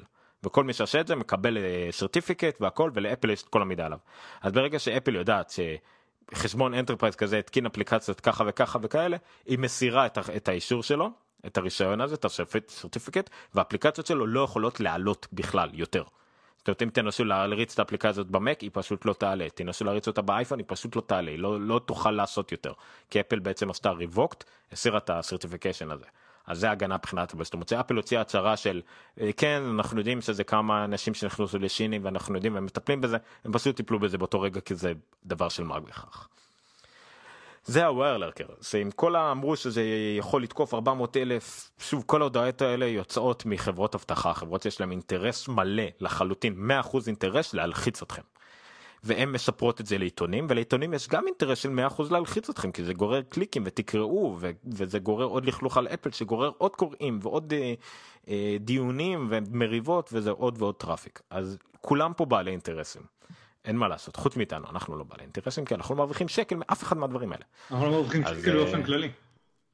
באופן כללי כן אז אה, זה, זה בעיקר המטרות האלה. זה מוביל אותי אה, לרוגלה הבאה שהייתה שהיא הרבה יותר חמורה תאורטית אבל היא בערך באותה רמה מבחינת הפשטות שבה אפשר לפתור את זה. אה, וואלה שהכותב אור קורץ כתב את זה ודי קטלנו אותו בפייסבוק מי נחמד יותר ומי פחות נחמד לגבי הכתבה הזאת שלה שהייתה מלאה בהפחדות שווא וטענות שווא. איך קוראים לזה? הגן הפרוץ של אפל קראו לזה, או, או לא זוכר איך הוא קרא לכתבה הזאת, אבל לא משנה, כותרת טיפשית בכל מקרה. לנוסקה הזאת שוב יש איזשהו שם אה, מתאים, קוראים לה מאסק אטק, מאסק במובן של אה, חסוי ומסכה וכדומה. אה, היא עושה דבר אה, מאוד דומה. מה היא שאתם מקבלים, פף, לא יודע, אימייל, הודעה, אה, החל, דברים האלה יכולים לקרות מכל מקום, זה כבר מגיע לדברים אחרים שקורים, האימייל שלכם דלף לאיזה חברה שהעבירה אותו הלאה ואז המייל שלכם נמצא באיזה רשימת תפוצה של כל מיני ספאמים או ב-SMS רנדומלי או מה שזה לא יהיה. קיבלתם הודעה להוריד אפליקציה יצא new flappy bird או לא יודע מה אה, אני כבר לא יכול לחשוב על אפליקציות שעולות כסף אין לי מושג. אפליקציה חדשה שהיא בדרך כלל בזה גרשה חדשה בחינם ואתם מתלהבים לוחצים על הלינק הלינק ישר אומר לכם וואו וואו וואו חכו רגע אנחנו, מי שרואה את זה על המסך רואים untrusted developer do you trust the, the developer? iPhone distribution בלה בלה בלה to run apps on your iPhone. ואז אתם אומרים כן trust כי אתם ממש רוצים את האפליקציה החדשה הזאת. ואז שאתם מריצים את האפליקציה הזאת אה, שוב זו אפליקציה או מזויפת או משהו אה, אחר לגמרי שפשוט לוקחת מידע וזה עד עכשיו זה זה לחלוטין לדבר הקודם רק שזה ישירות מהאייפון. זה לא משהו למקס הזה כביכול קצת יותר נסתר כי זה איך שאתם מחברים את זה לאייפון זה עובר בלי שאתם יודעים אז פה זה קצת יותר uh, כביכול שקוף למשתמשים גם שלא מחברים למק אבל uh, אתם יודעים מה עשיתם. אתם יודעים שלחצתם על לינק שלא מוביל לאפסטור לא לאפסטור של אפל אז שוב יש כמה אנשים תמימים או כמה אנשים קמצנים שחושבים או ש... אה, לא ב App Store אבל אולי יש חנות אחת, אה, חנות אחרת שהיא גם בסדר, או אם אתם קמצנים אז אוקיי זה מגניב אפליקציה שאני רוצה עכשיו בחינם, ולא אכפת לכם מאיפה, איך היא הגיעה בדיוק בחינם, כי ברור שיש מתנות חינם בחיים. אז לחצתם על uh, trust כי אתם תומכים לזה ואז בעצם התקנתם אפליקציה לגיטימית, uh, לא לגיטימית בכלל, אפליקציה מזויפת ונותנים לה לרוץ ולעשות כל דברים ששמענו מקודם. איפה זה מתחיל להיות גרוע?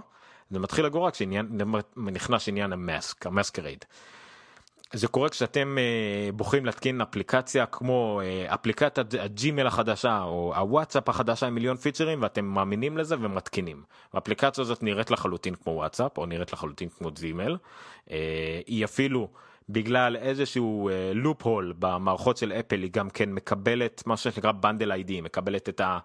Uh, התעודת זהות של האפליקציה מקבלת כאילו את אותה תעודת זהות של האפליקציה האמיתית שזה לא יכול לקרות ב App Store זה יכול, כן יכול לקרות אם אתם מתקינים תוכנת enterprise על תוכנה רגילה.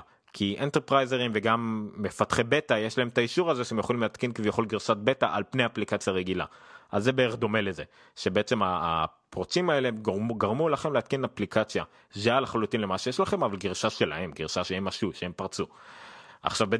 לרוב זה בכלל לא אפליקציה אמיתית אלא פשוט היא מציגה משך למשל אם זה אפליקציה של ג'ימל אם מצא לכם ברוכים הבאים לג'ימל החדש תכניסו את השם והסיסמה שלכם כדי להשתמש בה.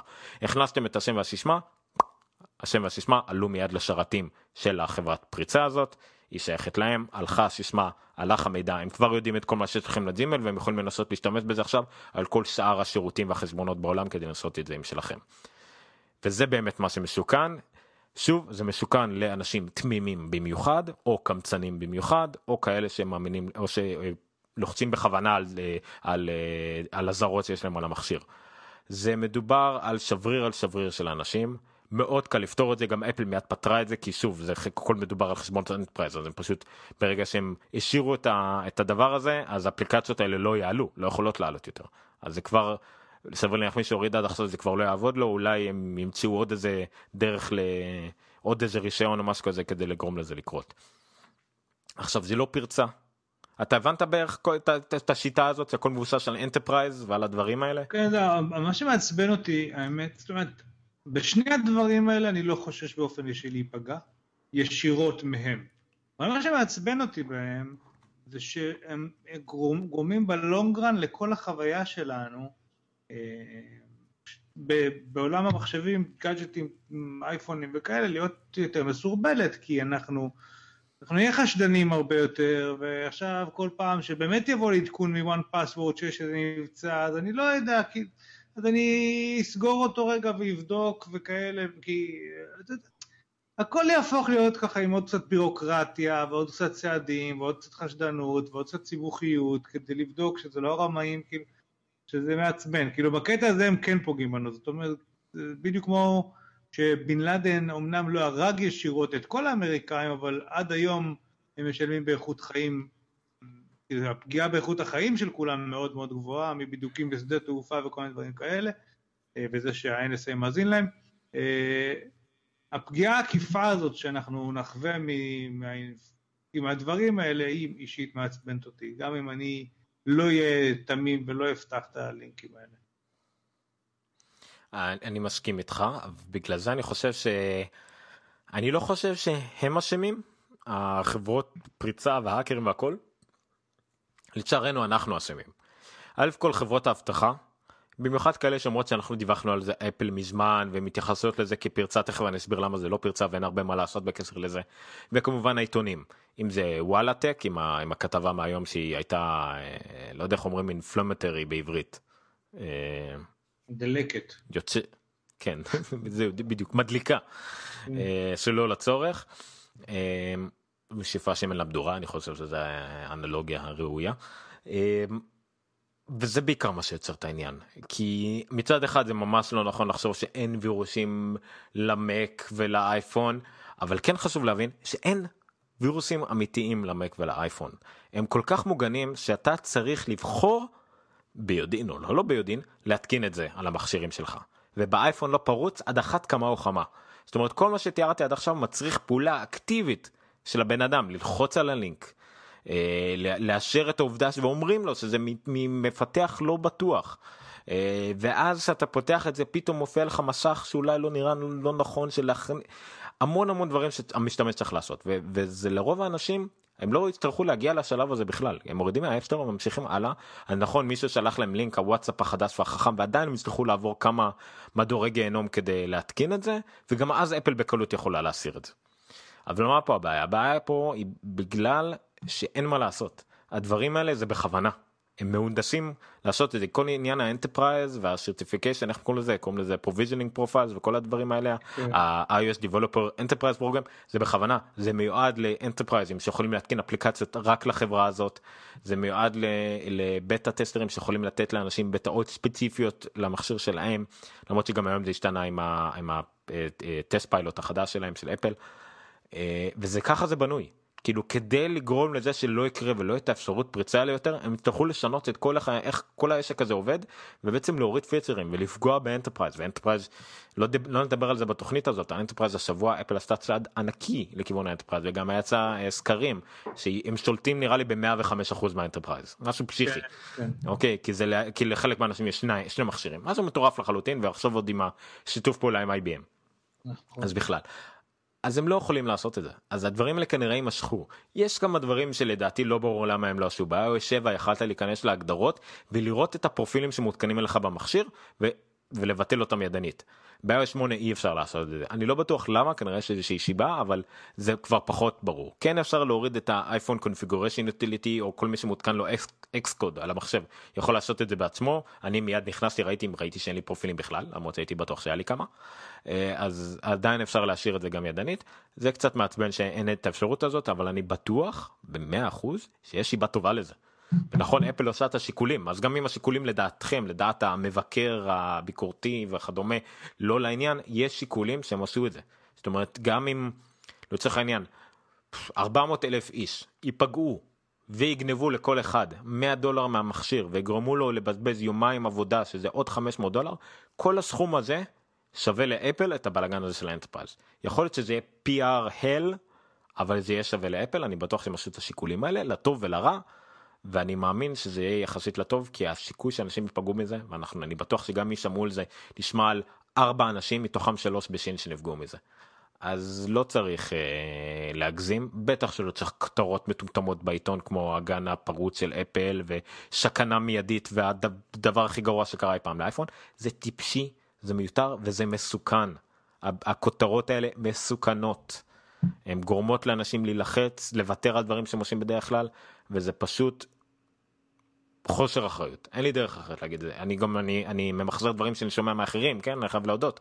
זה לא לגמרי רעיונות שלי אבל אני כן מרגיש אני מרגיש שאני קורא כותרות כאלה גם בתחומים אחרים בחיים. קורא כותרות כאלה זה גרוע. אה, גם גם במצב היום במדינה אה, לא להסתובב ברחוב להיזהר. זה, זה מסוכן לתת כותרות כאלה, להבהיל את הציבור מאז ומעולם, אני חושב, לאורך ההיסטוריה הנשית זה אחד הדברים שלא למדנו, לא להפחית את הציבור, זה יותר גרוע מאשר הדברים שהוא פוחד מהם. הדבר היחידי שיש לנו לפחד ממנו זה הפחד עצמו, מוכר?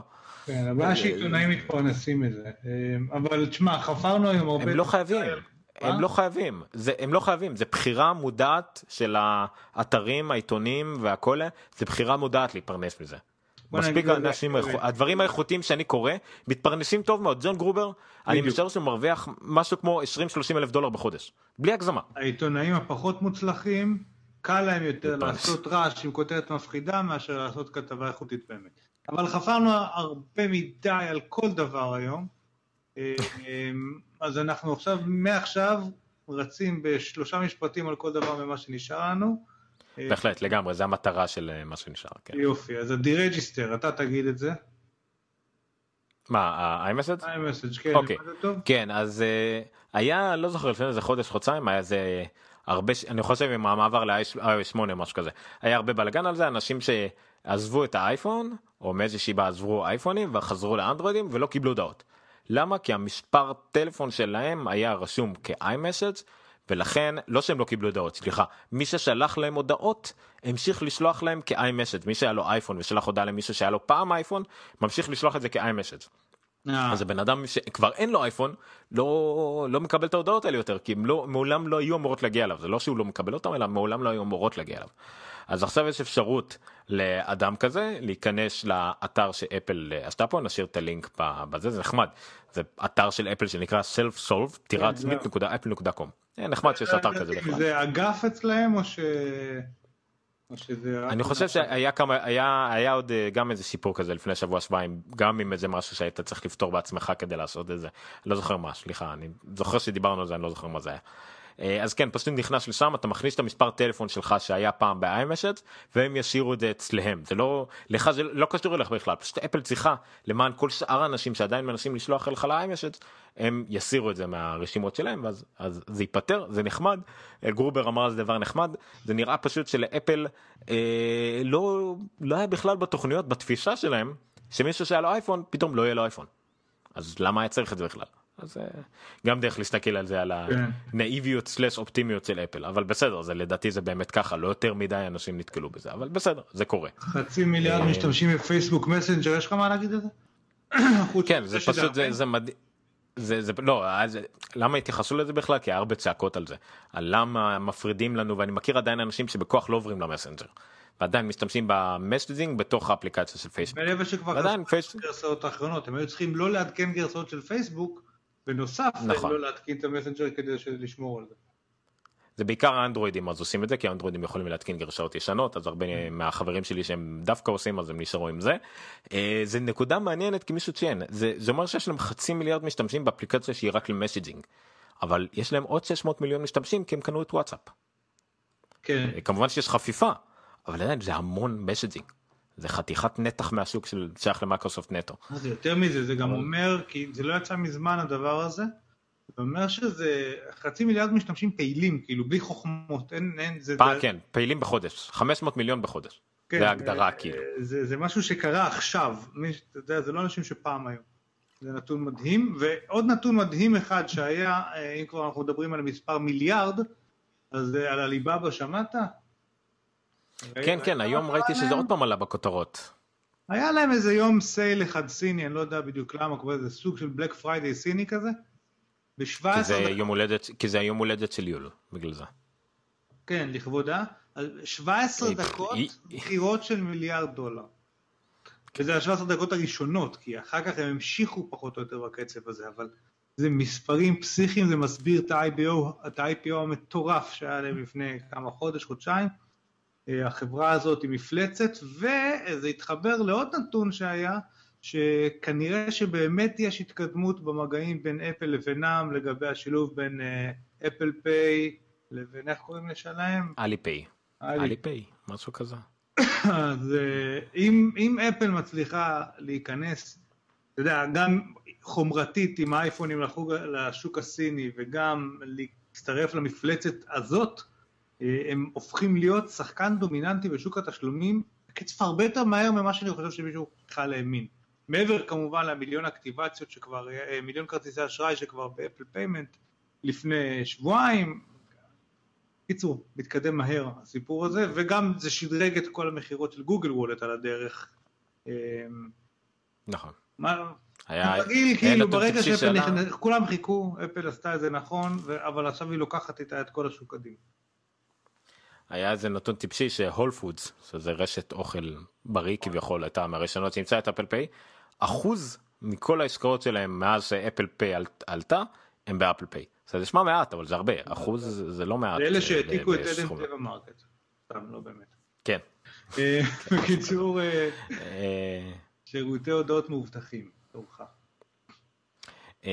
כן, זה EFF, אני אף פעם לא זוכר מה הם אומרים, אבל זה משהו שמפוצץ, אבל בואו נשים את זה פה, הם ציירו את זה. זה מסוג הכתבות שנראה לי צריך לראות. למרות שזה מאוד טקסטואלי שווה להניח. מי הם EFF? אני לא זוכר. Electronic Frontier Foundation. אה, דרך אגב, אוקיי. EFF זה אלה שאחראים לכל התקנים שאנחנו מכירים כמעט. אמ, לא. EFF הם... אה, נו, WiFi 802 וכאלה, כן, זה כן, הכל הם. אוקיי. אוקיי, אז הם עשו, הם אה, המציאו פרמטרים למדידה איזה, איך אבטחה של רשתות תקשורת, רשתות מיד, אה, הודעות, אוקיי, מסג'ינג טכנולוגי הם קוראים לזה, אה, פרמטרים, יש שבע פרמטרים שמודדים לפעמים אם חברה היא, היא עומדת בפרמטר או לא, בקריטריון נקרא לזה, סליחה, לא פרמטר, קריטריון. אוקיי, אז יש שבעה. אה, איפה זה? הנה, full secure scorecard. סבבה. אוקיי.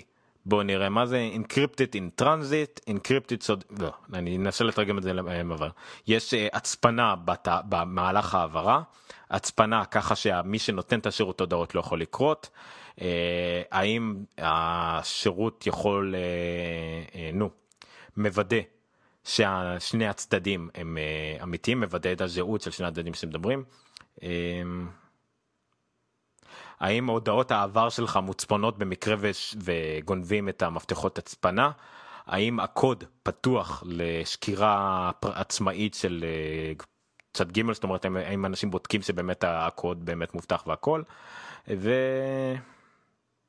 והאם כל אפשרויות אבטחה הן אה, מתועדות כמו שצריך. ידה ידה, והאם היה... בקיצור. כן והאם על אחרונה. בקיצור לא משנה שבע פרמטרים. אה, בוא נראה. טוב, all tools, בואו נראה סתם כזה, למשל AIM, שעד לא מזמן היה שירות הודעות הכי אה, פופולרי בעולם, עומד רק בקריטריון אחד. בלקברי מסנג'ר, עד לא מזמן השיטה הכי מאובטחת כמעט לתעבורת מידע, רק בפרמטר אחד. בלקברי פרוטקטד, שזה כבר לפנים, רק שלוש. ויש עוד, אה, למשל, יש איזה שניים או שלוש שהם שירותים שמיועדים במיוחד לזה. קריפטו אז הם כמובן, וכל מיני כאלה. כן, כן, שהם מאובטחים בכל השבע. מי עוד פייסבוק צ'אט רק בשתיים כן אבל שים לב שלמשל פייסטיים אה, שזה הודעות וידאו ואודיו מאובטח בחמש מתוך השבע שזה הרבה מאוד יחסית לכל השאר מי שרואה את זה בווידאו רואה את זה ויזואלית. הנה גוגל צ'אט מה... בשתיים כאילו האנגאאוט. רק בשתיים בדיוק iMessage גם כן חמש מתוך שבע זה המקסימום כמעט. כן. אה, יש עוד איזה משהו שאני לא מזהה אני מסתכלים פה רק על מה שאני מזהה יחסית שאנחנו שהם מאוד מאוד פופולריים. אל תשתמשו במיקס. באמת. לא יודע מה. רגע רגע יש פה יש פה featured tools נראה לי זה יסנן לנו את כל העסק פה אוקיי יופי הנה עכשיו אנחנו קצת יותר מסוננים. סקייפ רק באחד סנאפצ'ט רק בשתיים וואטסאפ רק בשתיים בקיצר מבין כל המיינסטרים iMessage ופייסטיים הם הכי מאובטחות. כאילו וגם אתה יודע מה שהם לא מאובטחים זה שהקוד פתוח ל independent review זה אפל מן הסתם שזה לא יהיה מאובטח. והאם אפשר לזהות את ה-identity של ה contact אני אפילו לא יודע מה זה אומר בדיוק אבל כנראה שזה כן איזשהו אתה לדעתי לא שצריך כדי ליצור. בדיוק אז אבל בגלל שאיך ש iMessage ופייסטיים בנוי הם צריכים להיות חשופים זאת אומרת זה, נכון. זה, זה עדיין כאילו חור באבטחה אבל זה אילוץ הנסיבות כנראה. כן, קיצור מרשים מאוד אמ, ותשתמשו ברק דברים של אפל הם הכי טובים בעולם. אמ, דיוויד סמית. במקרה הזה זה כאילו זה, מצחיק זה פשוט הם עומדים מאחורי המילה שלהם. האמת מרשים כי סקייפ. תמיד נחשב מאובטח כל כך שארגוני טרור משתמשים בו. אה, וואטסאפ זה הדבר שאתה יודע, כולם עכשיו אה, עברו אליו. שורה תחתונה, אתה רואה ש... אה, בלקברי תמיד היה גם כן, הגנה ל business intelligence ועניינים. תחתונה. משתמש בבלקברי. הדבר המצועצע הזה, הצעצוע הזה שיש באייפון, אז זה מובטח. אמ, שזה מעניין בהחלט. דיוויד סמית, זה יהיה אייטם אחרון שלנו לדעתי, לפני ההמלצה. נכון? כן. אה, קודם כל שתי מילים על דיוויד סמית, אתם רואים כרגע את האתר שלו, שהאמת שהוא קצת מינימליסטי, אבל בסדר. אנדרסקור דיוויד סמית, ככה כולם מזהים אותו, בגלל שככה זה הטוויטר שלו, אנדרסקור דיוויד סמית. הוא מפתח שנמצא באפסטור מהיום הראשון, לפני כן לדעתי הוא עבד בחברה, וקצת אחרי שהוא התחיל לפתח לאייפון, שנה שנתיים אחר כך הפך להיות עצמאי. הוא מפתח, הוא עשה למשל את האפליקציית audiobooks הכי פופולרית באפסטור, של אלפי ספרים בחינם, כל מיני ספרים שהם public domain ב audiobooks, הוא, מה עוד הוא עשה, ובקיצור הוא מן המפתחים האלה שעושה המון, עושה הרבה, עושה מהר ועושה הכל. כל אתה יודע מסוג האנשים שהולכים ל-WWDC כל פיצ'ר חדש שאתם רואים על הלוח של 300 פיצ'רים הוא ינשק כל אחד ואחד מהם. כשיצא הפדומטר הוא הראשון שיצא עם אפליקציה של פדומטר שלפחות עושה את זה. יצא עכשיו לפדומטר יצא ברומטר גם כן אה, גם את זה מיד הכניס הוא מנסה הכל. חלק מהדברים של אפליקציות בתשלום חלק בחינם וחלק הוא גם נשאר לעשות אה, כמו שירות מנוי כי הוא עשה גם RSS ועשה גם אה, פודקאסטים אפליקציה לפודקאסטים הוא מנסה לעשות הכל אדם באמת מופלא יש לו גם פודקאסט שבועי שנקרא Development Perspective ששווה רק רבע שעה כל שבוע שווה לשמוע וגם יש לו הרבה תובנות בגלל שהוא כל כך בעסק והוא מחפש כל דבר חדש לעבוד עליו יש גם תובנות. התובנה האחרונה שלו שהמון ציטטו אותו זה לדעתי זה המאמר שלאחרונה ראיתי שלו שהכי הרבה ציטטו אותו כולם אה, נקרא ל-expectations for WatchKit הציפיות שלו מה-WatchKit המערכת פיתוח לאפל וואט.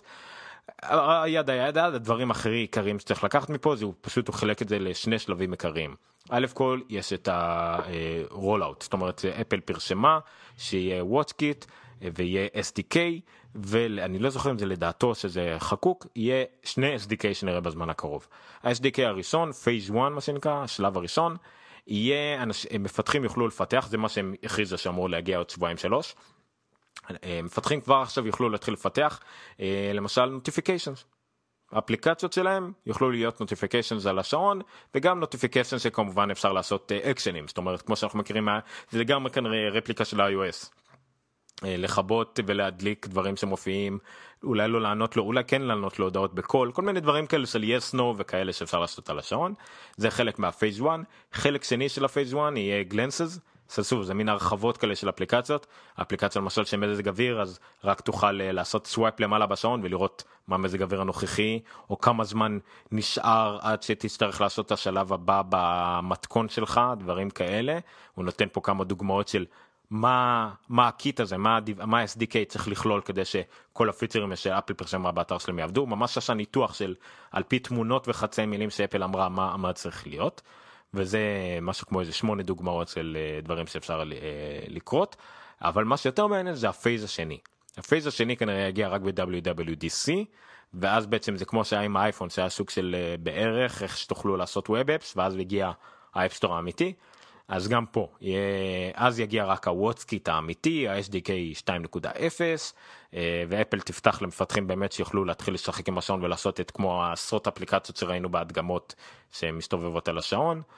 הוא אישית מאוד מתרגש מזה הוא למרות שאין לו שום ניסיון בזה הוא הולך לפתח דברים לשעון הוא מאוד מתרגש מעוד אפשרות הוא כמו שהוא התרגש מלפתח לאייפד אבל הוא אמר שאייפד היה מאוד התרגשות לפתח עד שהבנת שגם מבחינת פיתוח זה בעיקר אלמנטים גרפיים וממשקים ולא באמת פיצ'רים לא באמת חידשו דברים ועכשיו הוא מאוד מתרגש עם המון פיצ'רים ודברים חדשים שיכול לנסות על השעון אז זה נותן לנו הצצה קטנה למה שהולך להיות יותר למשל כי זה ממש בקרוב כאילו ממש בקרוב נתחיל לשמוע על מפתחים שהתחילו לפתח לוואטסקיט. אז אומר שהשעון מתקרב שזה יפה. יש לי מצפות. עכשיו אני רוצה פה הוספתי עכשיו עוד אייטם אחד בהפתעה בלי לא שם לב של מדע קצת.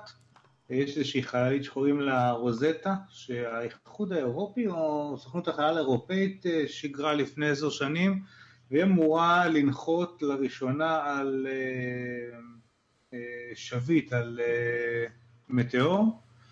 שמתי, שמתי את הלינק דווקא לוויינט, כי מה שוויינט עשו נחמד זה איזושהי timeline של מחר בבוקר, זאת אומרת מתי מתנתקת הגשושית, זה מה שנוחת על, על, על הסלע הזה, אה, מתי הוא מתנתק מהחללית האם וכמה זמן לוקח לו ומתי אנחנו אמורים לקבל את האישור וזה יום מאוד מרגש בעולם החקר החלל, בעיקר על רקע מה שדיברנו שבוע שעבר, התקלות שהיו גם לנאסא וגם לספייס וירג'ין גלקטיק היה עוד חדשות בתחום השבוע, שאיך קוראים לו, אילון מאסק רוצה לפרוס עכשיו רשת של לוויינים כדי להביא את האינטרנט לכל העולם, אבל זה עדיין באזור הספקולציות, אז לא ניכנס לזה, אבל הקטע הזה של הנחיתה מחר על, ה, על השביט הזה, אה, זה דווקא מאוד נחמד ומעניין, וגם נוח לעקוב בשעות העבודה. אמ, זה לא פשוט כל העניין הזה של נחיתה על שביט למרות שכולנו ראינו את ארמגדון וכולנו כן, כבר לא, אמורים לדעת שזה בולשיט לא נורמלי. הבעיה שמה האתגר האמיתי שלהם פה זה שאין להם את ברוס וויליס. ועובדה שכוכב שביט בערך זז בזה מהירות של כמה אלפי קמ"ש כאילו. גם נכון. או עשרות אלפי קמ"ש לא יודע זה די פסיכי. אמ, אה, אז אה, כן. האמת שיש גם אה, גם בענייני חלל יצא השבוע סרט מאוד מאוד מדובר של כריסטופר נולן אינטרסטלר זה מאוד מעניין אותי לראות אותו כי נמאס לי להתחמק מספוילרים עליו כי אומרים שהוא חצי מדעי כמעט מדויק ואז זה הופך להיות משהו מאוד לא מדעי. איך קוראים לו הכושי המדען הזה אמר שהוא שהוא בעד הסרט. כן. הוא שעשה כן, את קוסמוס. קוסמוס החדש כן. אה, גם היה לו הופעת אורח במתברר בדיעבד אה, ב Big Bang Theory. חזרתי לראות את אחת מהעונות הראשונות פתאום ראיתי אותו בהופעת אורח או עכשיו אני מזהה אותו. כן. אה, אני רוצה לסיים בהמלצה שהמלצתי אותה האמת גם בפייסבוק שלי גם בפייסבוק של גיקסטר ואני קראתי עליה בקיצור, נהיה הייפ סביב פודקאסט שנקרא Serial, שהוא מ... מהבית של This American Life. הקטע של Serial הוא נורא פשוט, מדובר על מקרה רצח שקרה בשנת 99, אה, שהתגלגל לאיזושהי עורכת דין, אה, והיא עם ספקות לגבי האם הבן אדם שיושב 15 שנים בכלא הוא באמת הרוצח. אה, ובעצם העורכת דין, אותה עורכת דין מלווה אותנו לאורך כל החקירה, שלב אחרי שלב, שבה היא, היא, היא בונה את התיק ולאט לאט אה, אה, כאילו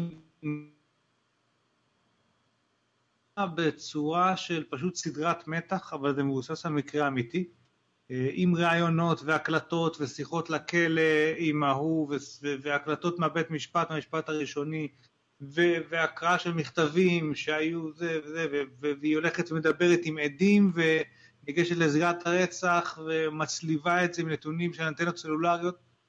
מדהים, מדהים קודם כל כדי לשמוע איך אה, אה, אה, מתפתח. ניר? של, של רצח אמיתי, מובא בצורה נפלאה, ערוך בצורה כיפית, אי אפשר להפסיק לשמוע את זה. אה, אה, ההמלצה היחידה שאני שוקל לתת היא אולי תחכו שקודם תיגמר הסדרה כי כרגע תרד טיפה למטה, אנחנו פרק 7 אבל זה לא סוף הסדרה. זאת אומרת ממשיכים, או יצא שמונה, אה לא, קאמינג תרסדי, אוקיי, לרגע התרגשתי. אה, בקיצור, זה, זה אירוע מת, מתגלגל מבחינת הדבר הזה, כל שבוע יוצא פרק, ו, ואם אתם מאלה שצורכים את הסדרות שלכם בטלוויזיה, לצורך העניין, בבלקים, זאת אומרת, מחכים שהעונה תיגמר ומורידים את הכל, אה, אז אולי תחכו, כי זה עוד לא נגמר. כרגע זה עדיין אה, יוצא כל שבוע פרק. באמת, אחד הפודקאסטים המקוריים, מעניינים ומרעננים שאני פגשתי לאחרונה. אה, וטוב, זה, זה בא מ... אתה יודע, הם לא פראיירים החבר'ה שם, יש לי קצת ניסיון בתחום, אבל זה נהדר, באמת באמת באמת מומלץ, אין דרך יותר טובה להעביר את, ה, הפתקים מזה, את הפחקים. לא מי שרואה בווידאו גם רואה את האתר המושקע שמצרף גם מפות ומידע. כן. אני סליחה ברח לי קצת מהראש ציינת שזה של החברה שעשו את This American Life נכון? כן כן כן. אוקיי אז This American Life זה תוכנית רדיו שהיא גם פודקאסט חשוב להדגיש את זה. תוכנית רדיו שהיא גם פודקאסט אה, שהוא הכי פופולרי by far בעולם ברמה מטורפת בארץ יש אה, רפליקה שלו שנקראת הסיפור שלי בכוונה רפליקה לא, אין מה להתבאס בזה. סיפור ישראלי סליחה סיפור שלי זה משהו אחר. סיפור ישראלי נכון. סיפור שלנו יש איזה משהו בכלל פודקאסט חדש על יהדות. לא רלוונטי. סיפור ישראלי שזה בסדר גמור שזה רפליקה. דיס אמריקן לייף גם זה שיפור פעם בשבוע על שיפור של בן אדם אחד זה, זה במסורת הרדיו האמריקאי רדיו שקצת נדיר לראות אותו בארץ אם בכלל כי בארצות הברית יש את ה-NPR וכאלה שזה רדיו עלילתי לכל דבר שאם לא עלילתי סליחה מופק כן הוא מופק לכל דבר סליחה זה רדיו שהוא הפקה כלומר עם קטעי מעבר וקריינות וכדומה. אה, שני דברים יצאו מהפוד מה This American Life א' כל Serial שהוא פודקאסט אני בניגוד לניר ממליץ לא לחכות שהוא ייגמר כיוון שאחת מהגדולות שלו הוא שהוא פודקאסט והפודקאסט הזה כרגע אני לא יכול לפתוח את ה iTunes כרגע לצערי מסיבות טכניות הוא by far פופולרי ב iTunes ברמות אדירות. זאת אומרת זה זה כמעט אפשר לקרוא לזה תופעה ממש תופעה. לא ראיתי דבר כזה מעולם ב iTunes. כולם מדברים עליו. גם אנשים שהם לא יודעים מה זה פודקאסט גם אנשים שלא יודעים מה זה audiobook כולם מדברים עליו. קוראים ל Serial אלוף כאן כמובן בגלל שזה רוצח סדרתי וגם בגלל שבניגוד ל This American Life זה פרק בהמשכים זה עונה שלמה זה לא כמו עונה של This American Life שזה 22 או 30 או 40 סיפורים אלא זה סיפור אחד על פני עונה שלמה זה משהו מיוחד בו הוא סדרתי. והוא נותן שירות מאוד מאוד טוב לפודקאסטים גם שמעתי את אה, ג'ייסון שנל מדבר על זה והכל אוהבים את זה בגלל שזה גורם גם לאנשים שעושים פודקאסט לראות על להיות גאים בעצמם על כמה שפודקאסטים יכולים להיות כלי חזק וגם לאנשים שלא מכירים פודקאסטים להבין מה זה הכלי הזה ואולי להוביל הלאה אם אתה כבר באייטונס כי שמעת על זה אתה תראה עוד פודקאסטים תראה הוא מאוד מעניין אותך זה מעלה את הרף לחלוטין מצד אחד ומוריד את הרף מצד האנשים ש, שזמיני, שזה זמין להם. עכשיו מ This American Life יצא עוד פודקאסט נראה לי שדיברנו אני לא זוכר אם הזכרתי אותו שנקרא סטארט-אפ.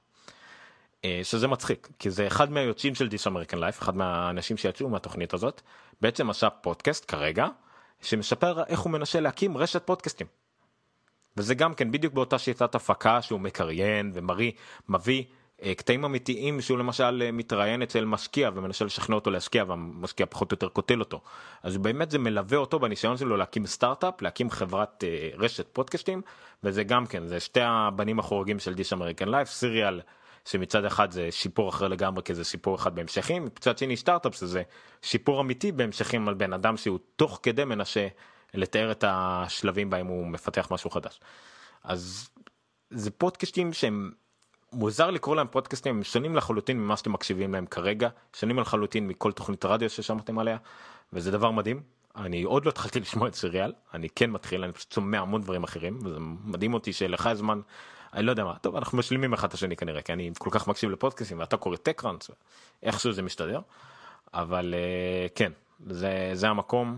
אני צר לי על מי שחושב שזה אולי אם האנגלית מגבילה אותו שזה פשוט תתחילו להקשיב. אתם תקלטו אתם תבינו עם הזמן וזה שווה הכל. אה, אנחנו מנסים לעשות משהו אחר בעברית משהו חדש בעברית אבל בינתיים אין מספיק. אז אה, אני אשמח אם תקשיבו באנגלית כדי להבין מה זה יכול לעשות ואנחנו ננסה. לא נוכל לעשות דברים דומים בעברית אין מה לעשות אבל נוכל לפחות להראות לכם את העולם הזה של הפודקאסטים אני מקווה.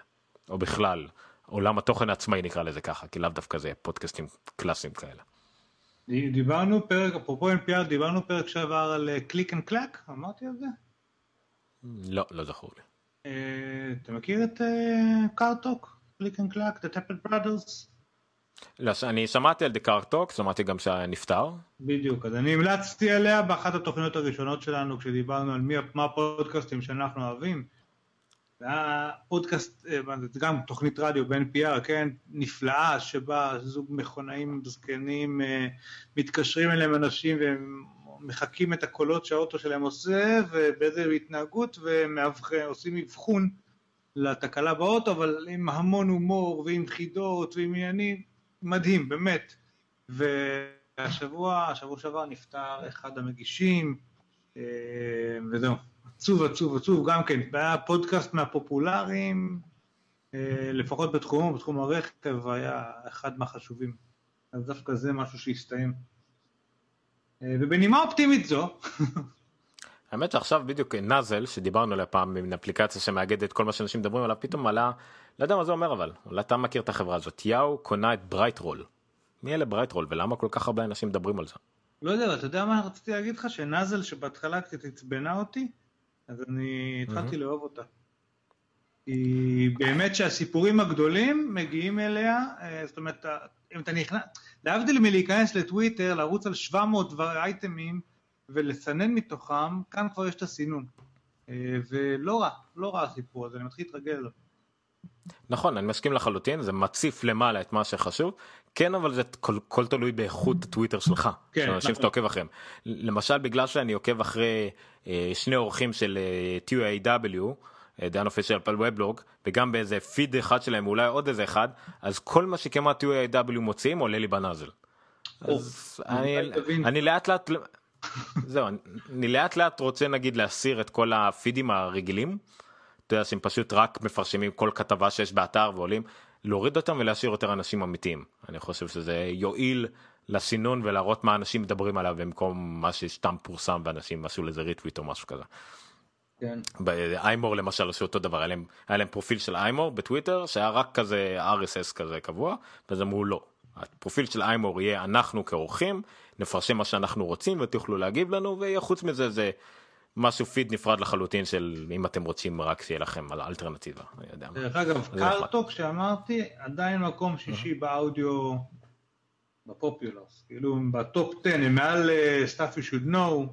חתיכת... אה, טוב, א' כל מוות תמיד זה PR טוב, לטוב ולרע. לא, לא, לא, הם תמיד שם. אה.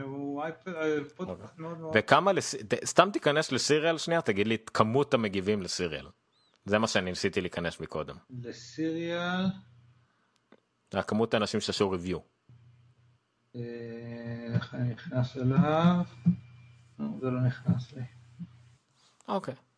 בואו תיכנסו לזה ולצורך ההשוואה לנו יש 45 ריוויוז באייטונס אני משער שלהם יש משהו כמו 450 אלף. אה, לא זה כאילו פותח את זה בחלון כי זה מהאייפד אני לא יודע זה לא פותח את זה אולי כי זה ב... אה הבנתי. כי זה צריך לפתוח לך את זה בחנות אה, בפודקאסט. כן, בדיוק, זה לא כזה. אמ, דרך אגב, להבנתי פרק 7 שאני רק התחלתי אותו הוא טוויסט משמעותי בעלילה, אז רק שתדעו. תצפו, מה זה כמו פרק 9 ב... נו. לא, כן, כאילו אם אתם לא מתחבר לכם באיזשהו שלב, עדיין אתם מרגישים שאתם לא מבינים, אז זה מגיע, זה נבנה. אני בכלל, כמה זה כל פרק בערך? לא, לא, האמת, לא, לא, חצי שעה 40 דקות, משהו כזה. אה, אוקיי. רק הראשון הוא קצת ארוך, כי היא בונה את הכל, הוא 53 דקות, כל השאר 36 דקות, 28 דקות, 34, זה לא נורא. זה אוקיי. פקק של בוקר, אפילו, אפילו לא מספיק את כל הפקק. כן, זה, זה כבר הליגה של הגדולים, זה הפודקאסטים שהם באמת כאילו המיינסטרים של המיינסטרים. ואנחנו פה בנישה שלנו, אבל uh, שווה להציץ מדי פעם למיינסטרים לראות מה, מה עובד. כן, לגמרי. אוקיי, אז סיימנו, אצלי בשעת הקלטה יש שעתיים, אבל נראה לי שהפרק הזה הוא על השעה וחצי בערך, אבל uh, נקווה לטוב, וטוב שהיה. תודה שהייתם איתנו. Um, אני מקווה שתוכנית הבאה שלנו כבר תהיה מאולפן בשל אילוצים אנחנו נאלצנו להקליט מהבתים שלנו אבל יהיה עוד אה, תוכניות באולפן והשתדרגנו במקמיני חדש ובעוד כל מיני גאדג'טים וגיזמואים וכדומה אז אני אה, מקווה שיהיה הרבה יותר טוב. מקסימום פעם הבאה נשדר מהאייפון שלי כי מתברר שיש לי LTE של 10 מגה אפלוד. אבל אה, בסדר. ומצלמה שהיא בטח יותר טובה מהמצלמה שיש לי כן. במחשב. כאילו.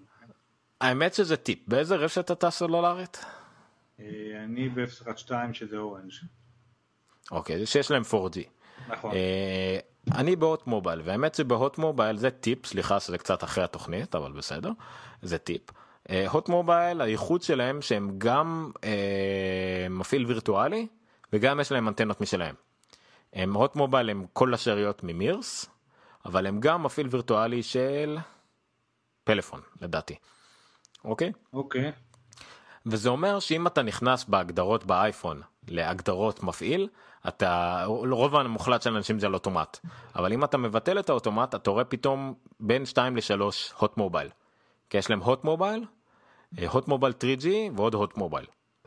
כי אחד זה המירס, מירס D ופלאפון. אז אני תמיד הייתי, אה, לא, לפני איזה כמה חודשים שראיתי שאין לי קליטה בבית עברתי כאילו לרשת ה, הלא אוטומטית שלי האוטומט מושך אותך תמיד למירס okay. כי זה אוקיי. אינטרס שלהם זה עולה להם פחות כסף. אה, ואני הלכתי לא יודע הלכתי לרשת השנייה לא זוכר מה היה אוטומט לא אוטומט הלכתי פשוט הכרחתי אותו בכוח תמיד ללכת לרשת השנייה כי יש לו יותר קליטה בבית. אה, לא מזמן הייתי אצל לקוח שלא היה בו קליטה בכלל אז נכנסתי לזה עוד פעם ובחרתי את השני. איך שבחרתי את השני וזה התעדכן אני רואה פתאום LTE על המשך זה היה בכפר שמריהו. זה היה ב-LTE בדקתי את המהירות הייתי על 20 על 7. וואו. אבל הלכתי יותר לכיוון הצומת בנסיעה 20 הגעתי ל-30 בינתיים הכי גבוה שלי 30 על 10. לא, הגעתי הביתה. כן הגעתי הביתה בבית שלי עצמו עדיין אין יותר מדי קליטה אבל לפעמים אין קליטה אבל יש LTE קוראים זה LTE זה לא דור 4 נראה לי יש איזה הבדל טכני ביניהם לא קריטי במהירות שאנחנו מדברים עליהם אבל יש הבדל LTE יותר מהיר תאורטית. ולמטה בשכונה שלי גם LTE וכאילו וואו זה סביר להניח שהיה לי איזה חודש ולא ידעתי אפילו. אז אם יש לכם עוד מובייל תיכנסו להגדרות מפעיל זה בהגדרות הראשיות למעלה. תראו תבטלו את האוטומטי ותנסו את שאר הרשתות שכתוב עם אות מובייל תנו לזה איזה דקה שתיים להתעדכן ותראו מה מופיע לכם תבדקו בספיד טסט ואולי uh, תופתעו זה טיפ כזה מגניב ואני פשוט מופתע כל פעם שיש לי אה, פתאום אני קולט LTE. פריסת הדור הרביעי בארץ אה, היא ב- ממש כבר התרחבה. אני היום... כן, כי, סתם- כי היא הייתה כבר, זה היה, בחלק מהמקומות זה היה רק להעלות את הסוויץ', היא כבר הייתה יחסית, כן. במיוחד באורנס וגם בפלאפון, כי פלאפון טכנית פשוט היו תמיד בנויים למהירויות האלה. אז אה, זה כן, זה טוב, זה, זה מפתיע, לטובה, אני מפחד אבל שזה יהיה ספורדי, זאת אומרת, הם ישימו אנטנות פה ושם, יפה מאוד, אני רואה שאתה על 17, על 8, 17 עד 8 וחצי, סתם, אתה יודע, ניסוי מהבית ב-4G, כאילו זה כבר נהיה... בפועל, אין מה להוציא את הטלפון לווי-פיי יותר, זהו. כאילו, חוץ מהמגבלות חוץ- שלפעמים לא נותן לעשות דאונלואודים וכאלה דברים, וחבילת גלישה זה אצלי אני אצלי זה כבר נהיה מפחיד כי אני רגיל שזה עובד לאט אז אני, אתה רגיל שבעשר דקות גלישה אתה איכשהו בזבזת ככה וככה פתאום בעשר דקות גלישה אתה מבזבז פי ארבע. אתה יכול כן. לבזבז פי ארבע אתה אז, אז כן זה, זה קצת מסוכן וגם דיברו על זה בארצות הברית כשזה יצא אז זה נהיה קצת מסוכן אבל uh, בסדר נתמודד ונגדיל חבילת גלישה ועוד מעט תהיה אתה יודע פעם הבאה שאני מדבר עם uh, בזק ואני אומר להם אני רוצה משהו יותר משלוש מגה אפלוד ואתם לא נותנים לא לא אין דרישה. כן אבל אז פה בטלפון יש לי 10 מגה אפלוד. ואתם בזק יש לכם כבל פיזית עובר בין הקירות מפה מהמרכזייה עובר אליי כבל מה, פה ואני מתחבר עם? מה אמא שלך אמרו לך אין, אין דרישה? זה מה שאמרו? כן זה זה הטיעון שלהם כבר שנים. ואני כל פעם אני צוחק עליהם אין דרישה בסדר זה, זה הסיפור המפורסם אם תגיד לאנשים אה, זה את זון, את זון פורד אמר תבקש תגיד לאנשים אז לפני שאתה מכונית מה אתם רוצים יגידו לך 30 יותר מהירים. לא, זה יותר דומה לאנלוגיה האחרת, שמסעדות שהן לא, אתה יודע, אין להן כשרות, אז אומרות כי גם ככה דתיים לא נכנסים לפה. אז אה, תנסו... כן אבל, אבל פה אתה נכנס לתחום שאני יותר תומך בו אבל בסדר. מה? פה אתה נכנס לתחום שאני יותר תומך בו אבל לא משנה. לא, לא משנה, אני רק אומר, אתם לא מאפשרים, אתם- בוא, בוא, בוא תבדוק, ואז תראה, כי כרגע, גם בזק, דרך אגב, הם חבורת סמרטוטים, הם הכפילו השבוע את ה... לא הכפילו, שדרגו חבילות גלישה לכולם, כן. ראית? מ-40 ל-100 וזה, רק שאיפה שאני לא גרתי עד היום, בחיים לא תמכו ביותר מ-30 או 40, אני לא יודע, אף פעם אני לא הגעתי אבל- ל... אבל לפעמים הם אומרים את זה. מה זה? הם אומרים את זה לפחות. אני עד היום אמרו לי אתה יכול רק 40 עד 3 את אין לך מה יותר אין לך כן, את כן, כן, כן, זה על אני... הם- נכון אבל עכשיו אני גם באתי לשדרג. אני אני הלכתי אליהם לפני חודש שאני רוצה לשדרג. שאלתי א' כל כמה? אמרו לי עוד 5 שקל. אמרתי אוקיי. אבל האם אני יכול? אז היא אמרה לי כן אתה יכול עד 100 אבל באזור שלך מדדנו ממוצעים של 50 אולי אולי 60 אבל ת, תדע שזה אולי יהיה משהו כמו 50 אה, אז לפחות הם הודו בזה ועכשיו זה בכלל יהיה בחינם אז חסכתי גם 5 שקל אז מה אכפת לי.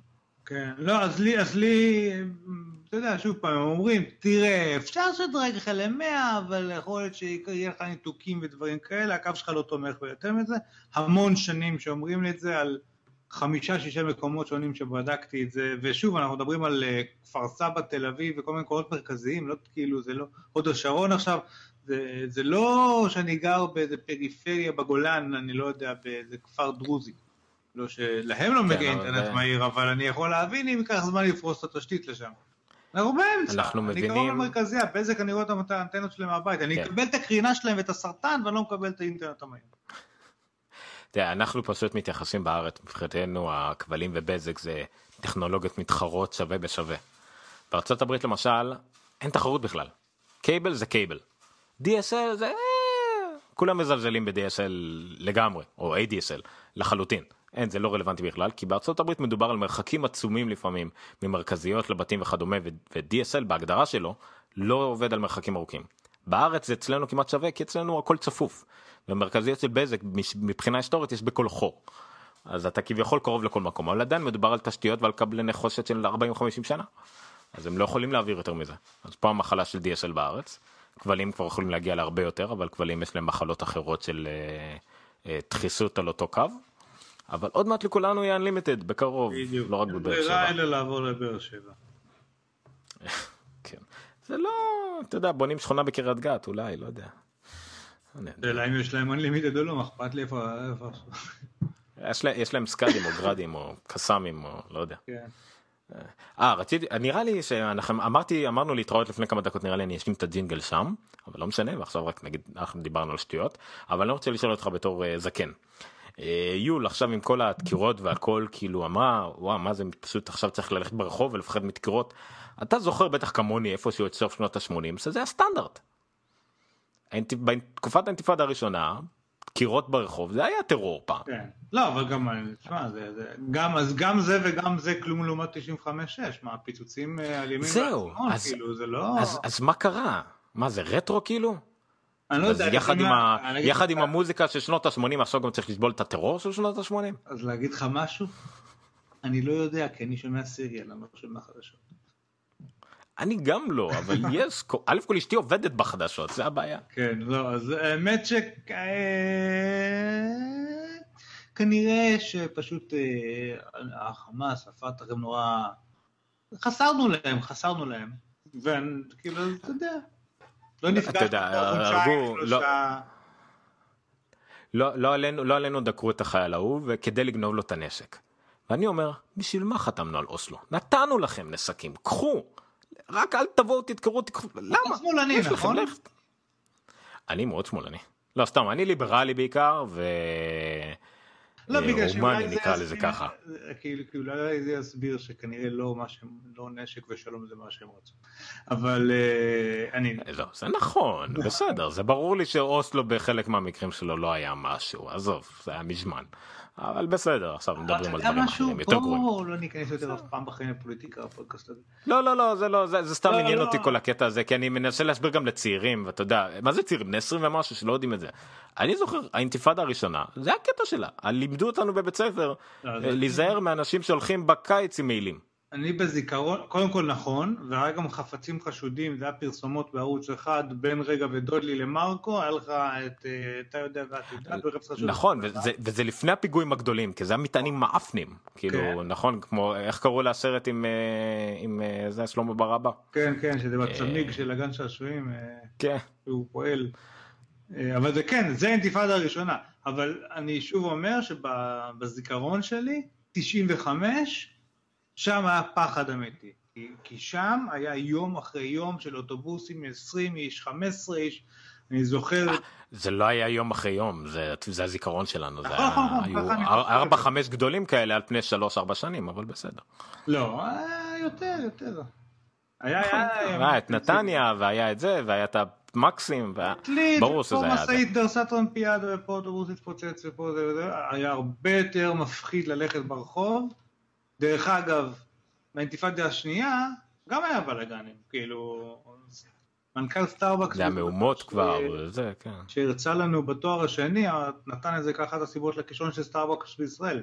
הם פתחו כשהתחילו להיות פיצוצים שוב פעם, אה, בבתי קפה. גם, גם, גם סבארו לא בדיוק נהנו מ-PR מי יודע מה. נכון, ואנשים הפסיקו לשבת בבתי קפה בדיוק בהשקה של סטארבקס, מה שלא כל כך עזר להם להשקה. לדעתי זה, זה קשר מאוד קלוש, אבל בסדר. לא, לא, לא, הוא לא נאחז בזה כתירוץ, הוא פשוט הסביר את הסביבה, את ה... מה קרה באותו זמן ב... אצלהם. כאילו במדינה ובסביבה ובארנה שלהם, ואיך כל החלקים ביחד גרמו לקריסה של סטארבקס בישראל. אגב, אחד מהסיפורים המרתקים בכל התואר השני שלי. אבל אני מת לישון, כי באמת כבר 12 וחצי בלילה, לילה טוב לכם, ספרו לחברים שלכם, אבל פוליטיקה עכשיו, לייקים ושרים וכל מיני כאלה. ו reviews ב iTunes זה עוזר לנו מאוד שאנשים רואים אותנו ב-10-20 הראשונים reviews ב iTunes מאוד עוזרים. לא, אבל האמת שאני חייב לציין שאני הרבה יותר רוצה שרים ולייקים בפייסבוק וטוויטר. נכון. שם יש הרבה יותר נכון. אנשים רלוונטיים שאתם מכירים שלפחות אחד מהם שאוהב טכנולוגיה עכשיו נכנסתי לחברה חדשה אולי גם שם אני ארעיל אותם קצת עלינו אבל לפחות תבוא מחשב מחשב שיצביעו באייטונס זה הכי קל. כן. אני עוד לא הגעתי לרמה כן. הבין אישית הזאת, כן, אני די חדש שם, אבל זה יגיע. אני כבר עם הספל שלי. אני, אני, אני, אני בשבועיים הראשונים שלי שם, זה היה בדיוק גם שהתחלנו פחות או יותר את גיקסה, פשוט שיחדתי את כולם. שופגניה לכל מי ש... משהו כזה. זה יום שהבאתי שוקניות. כן אז זה מה שעוזר לנו בפייסבוק יש קבוצות חדשות משתמשי מקינטוש בישראל משתמשי iOS בישראל סלולר טכנולוגיה וכולי דברים כאלה זה אנשים שמחפשים את הדברים האלה אז תראו להם את הדרך. זה מה שאנחנו כן, אגב, וגם מתברר שאני סגן נשי בכיר באיזה חברת סטארט-אפ קטנה של בני 15. אנחנו נדבר על זה אבל בשבוע הבא. כן. והקבוצה של המקינטוש בפייסבוק נהייתה מאוד דינמית. נחמד לראות כן, היא נהייתה מין... זהו, נהייתה תחליף מקית כזה לבעיות שוליות, היא כן אבל חולה במחלת הטוקבקים ופייסבוק, אבל מה לעשות יש שם גם אנשים פשוטים זה לא איזה power users. כן. היה צריך להקים מתי תוך קבוצה של Mac power users אבל אבל זה גם טוב זה גם מי שצריך מידע זה שם אנחנו מקבלים מזה הרבה דברים על מה אנשים מריחים את ה... איך קוראים לזה? לא. מריחים את הקרקע כאילו מרגישים כאילו את ה... יורדים אל העם שם כדי לראות מה באמת מעניין ומה כן, באמת אנשים כן, מחפשים ויש לא מעט לא מעט זה נחמד לראות שיש הרבה מקיסטים נחמד. ואז להרגיש כמו זקן שאתה מדבר עם אבנר על, הקיוב ועל המנורה. ועל דברים כאלה. קאמבק מרשים אני לא שמעתי את השם הזה איזה תקופה ואני מאוד אוהב את הבן אדם. את מי איך קוראים לו? את אבנר שריג הזה? אבנר גדיש לא? גדיש, לי. עכשיו אני דרך אגב זה לגמרי. לא יודע, הוא מכחיש את זה, אבל אני לא יודע גם להגיד את זה בשידור, אבל יש סיכוי שהוא גם דמות מפורשמת במקית, לא? כן, לדעתי כן. אוקיי, לא, זה לא, לא רק אני חושב. זה אבנר גדיש, ככה אני מכיר את השם הזה. אוקיי, בסדר, נדבר על זה עוד שנייה. אה, רק לשנייה עוד שנייה. אבל בינתיים ניפרד, תודה רבה שהייתם איתנו, אם נשארתם גם בדבר הזה שאחרי התוכנית ומה שזה לא יהיה, אחרי הטינג. אה, וזהו, נתראה שבוע הבא מתישהו. אנחנו עד שאנחנו לא מסודרים אנחנו לא מצהירים על זה מראש יותר מדי תודה אם אתם פה ונתראה שבוע הבא שבוע וחצי משהו כזה אז uh, תודה רבה. ולילה טוב. טוב לילה טוב. עכשיו אני כבר לא מוצא את הס... הנה זה stop broadcast. Thank you.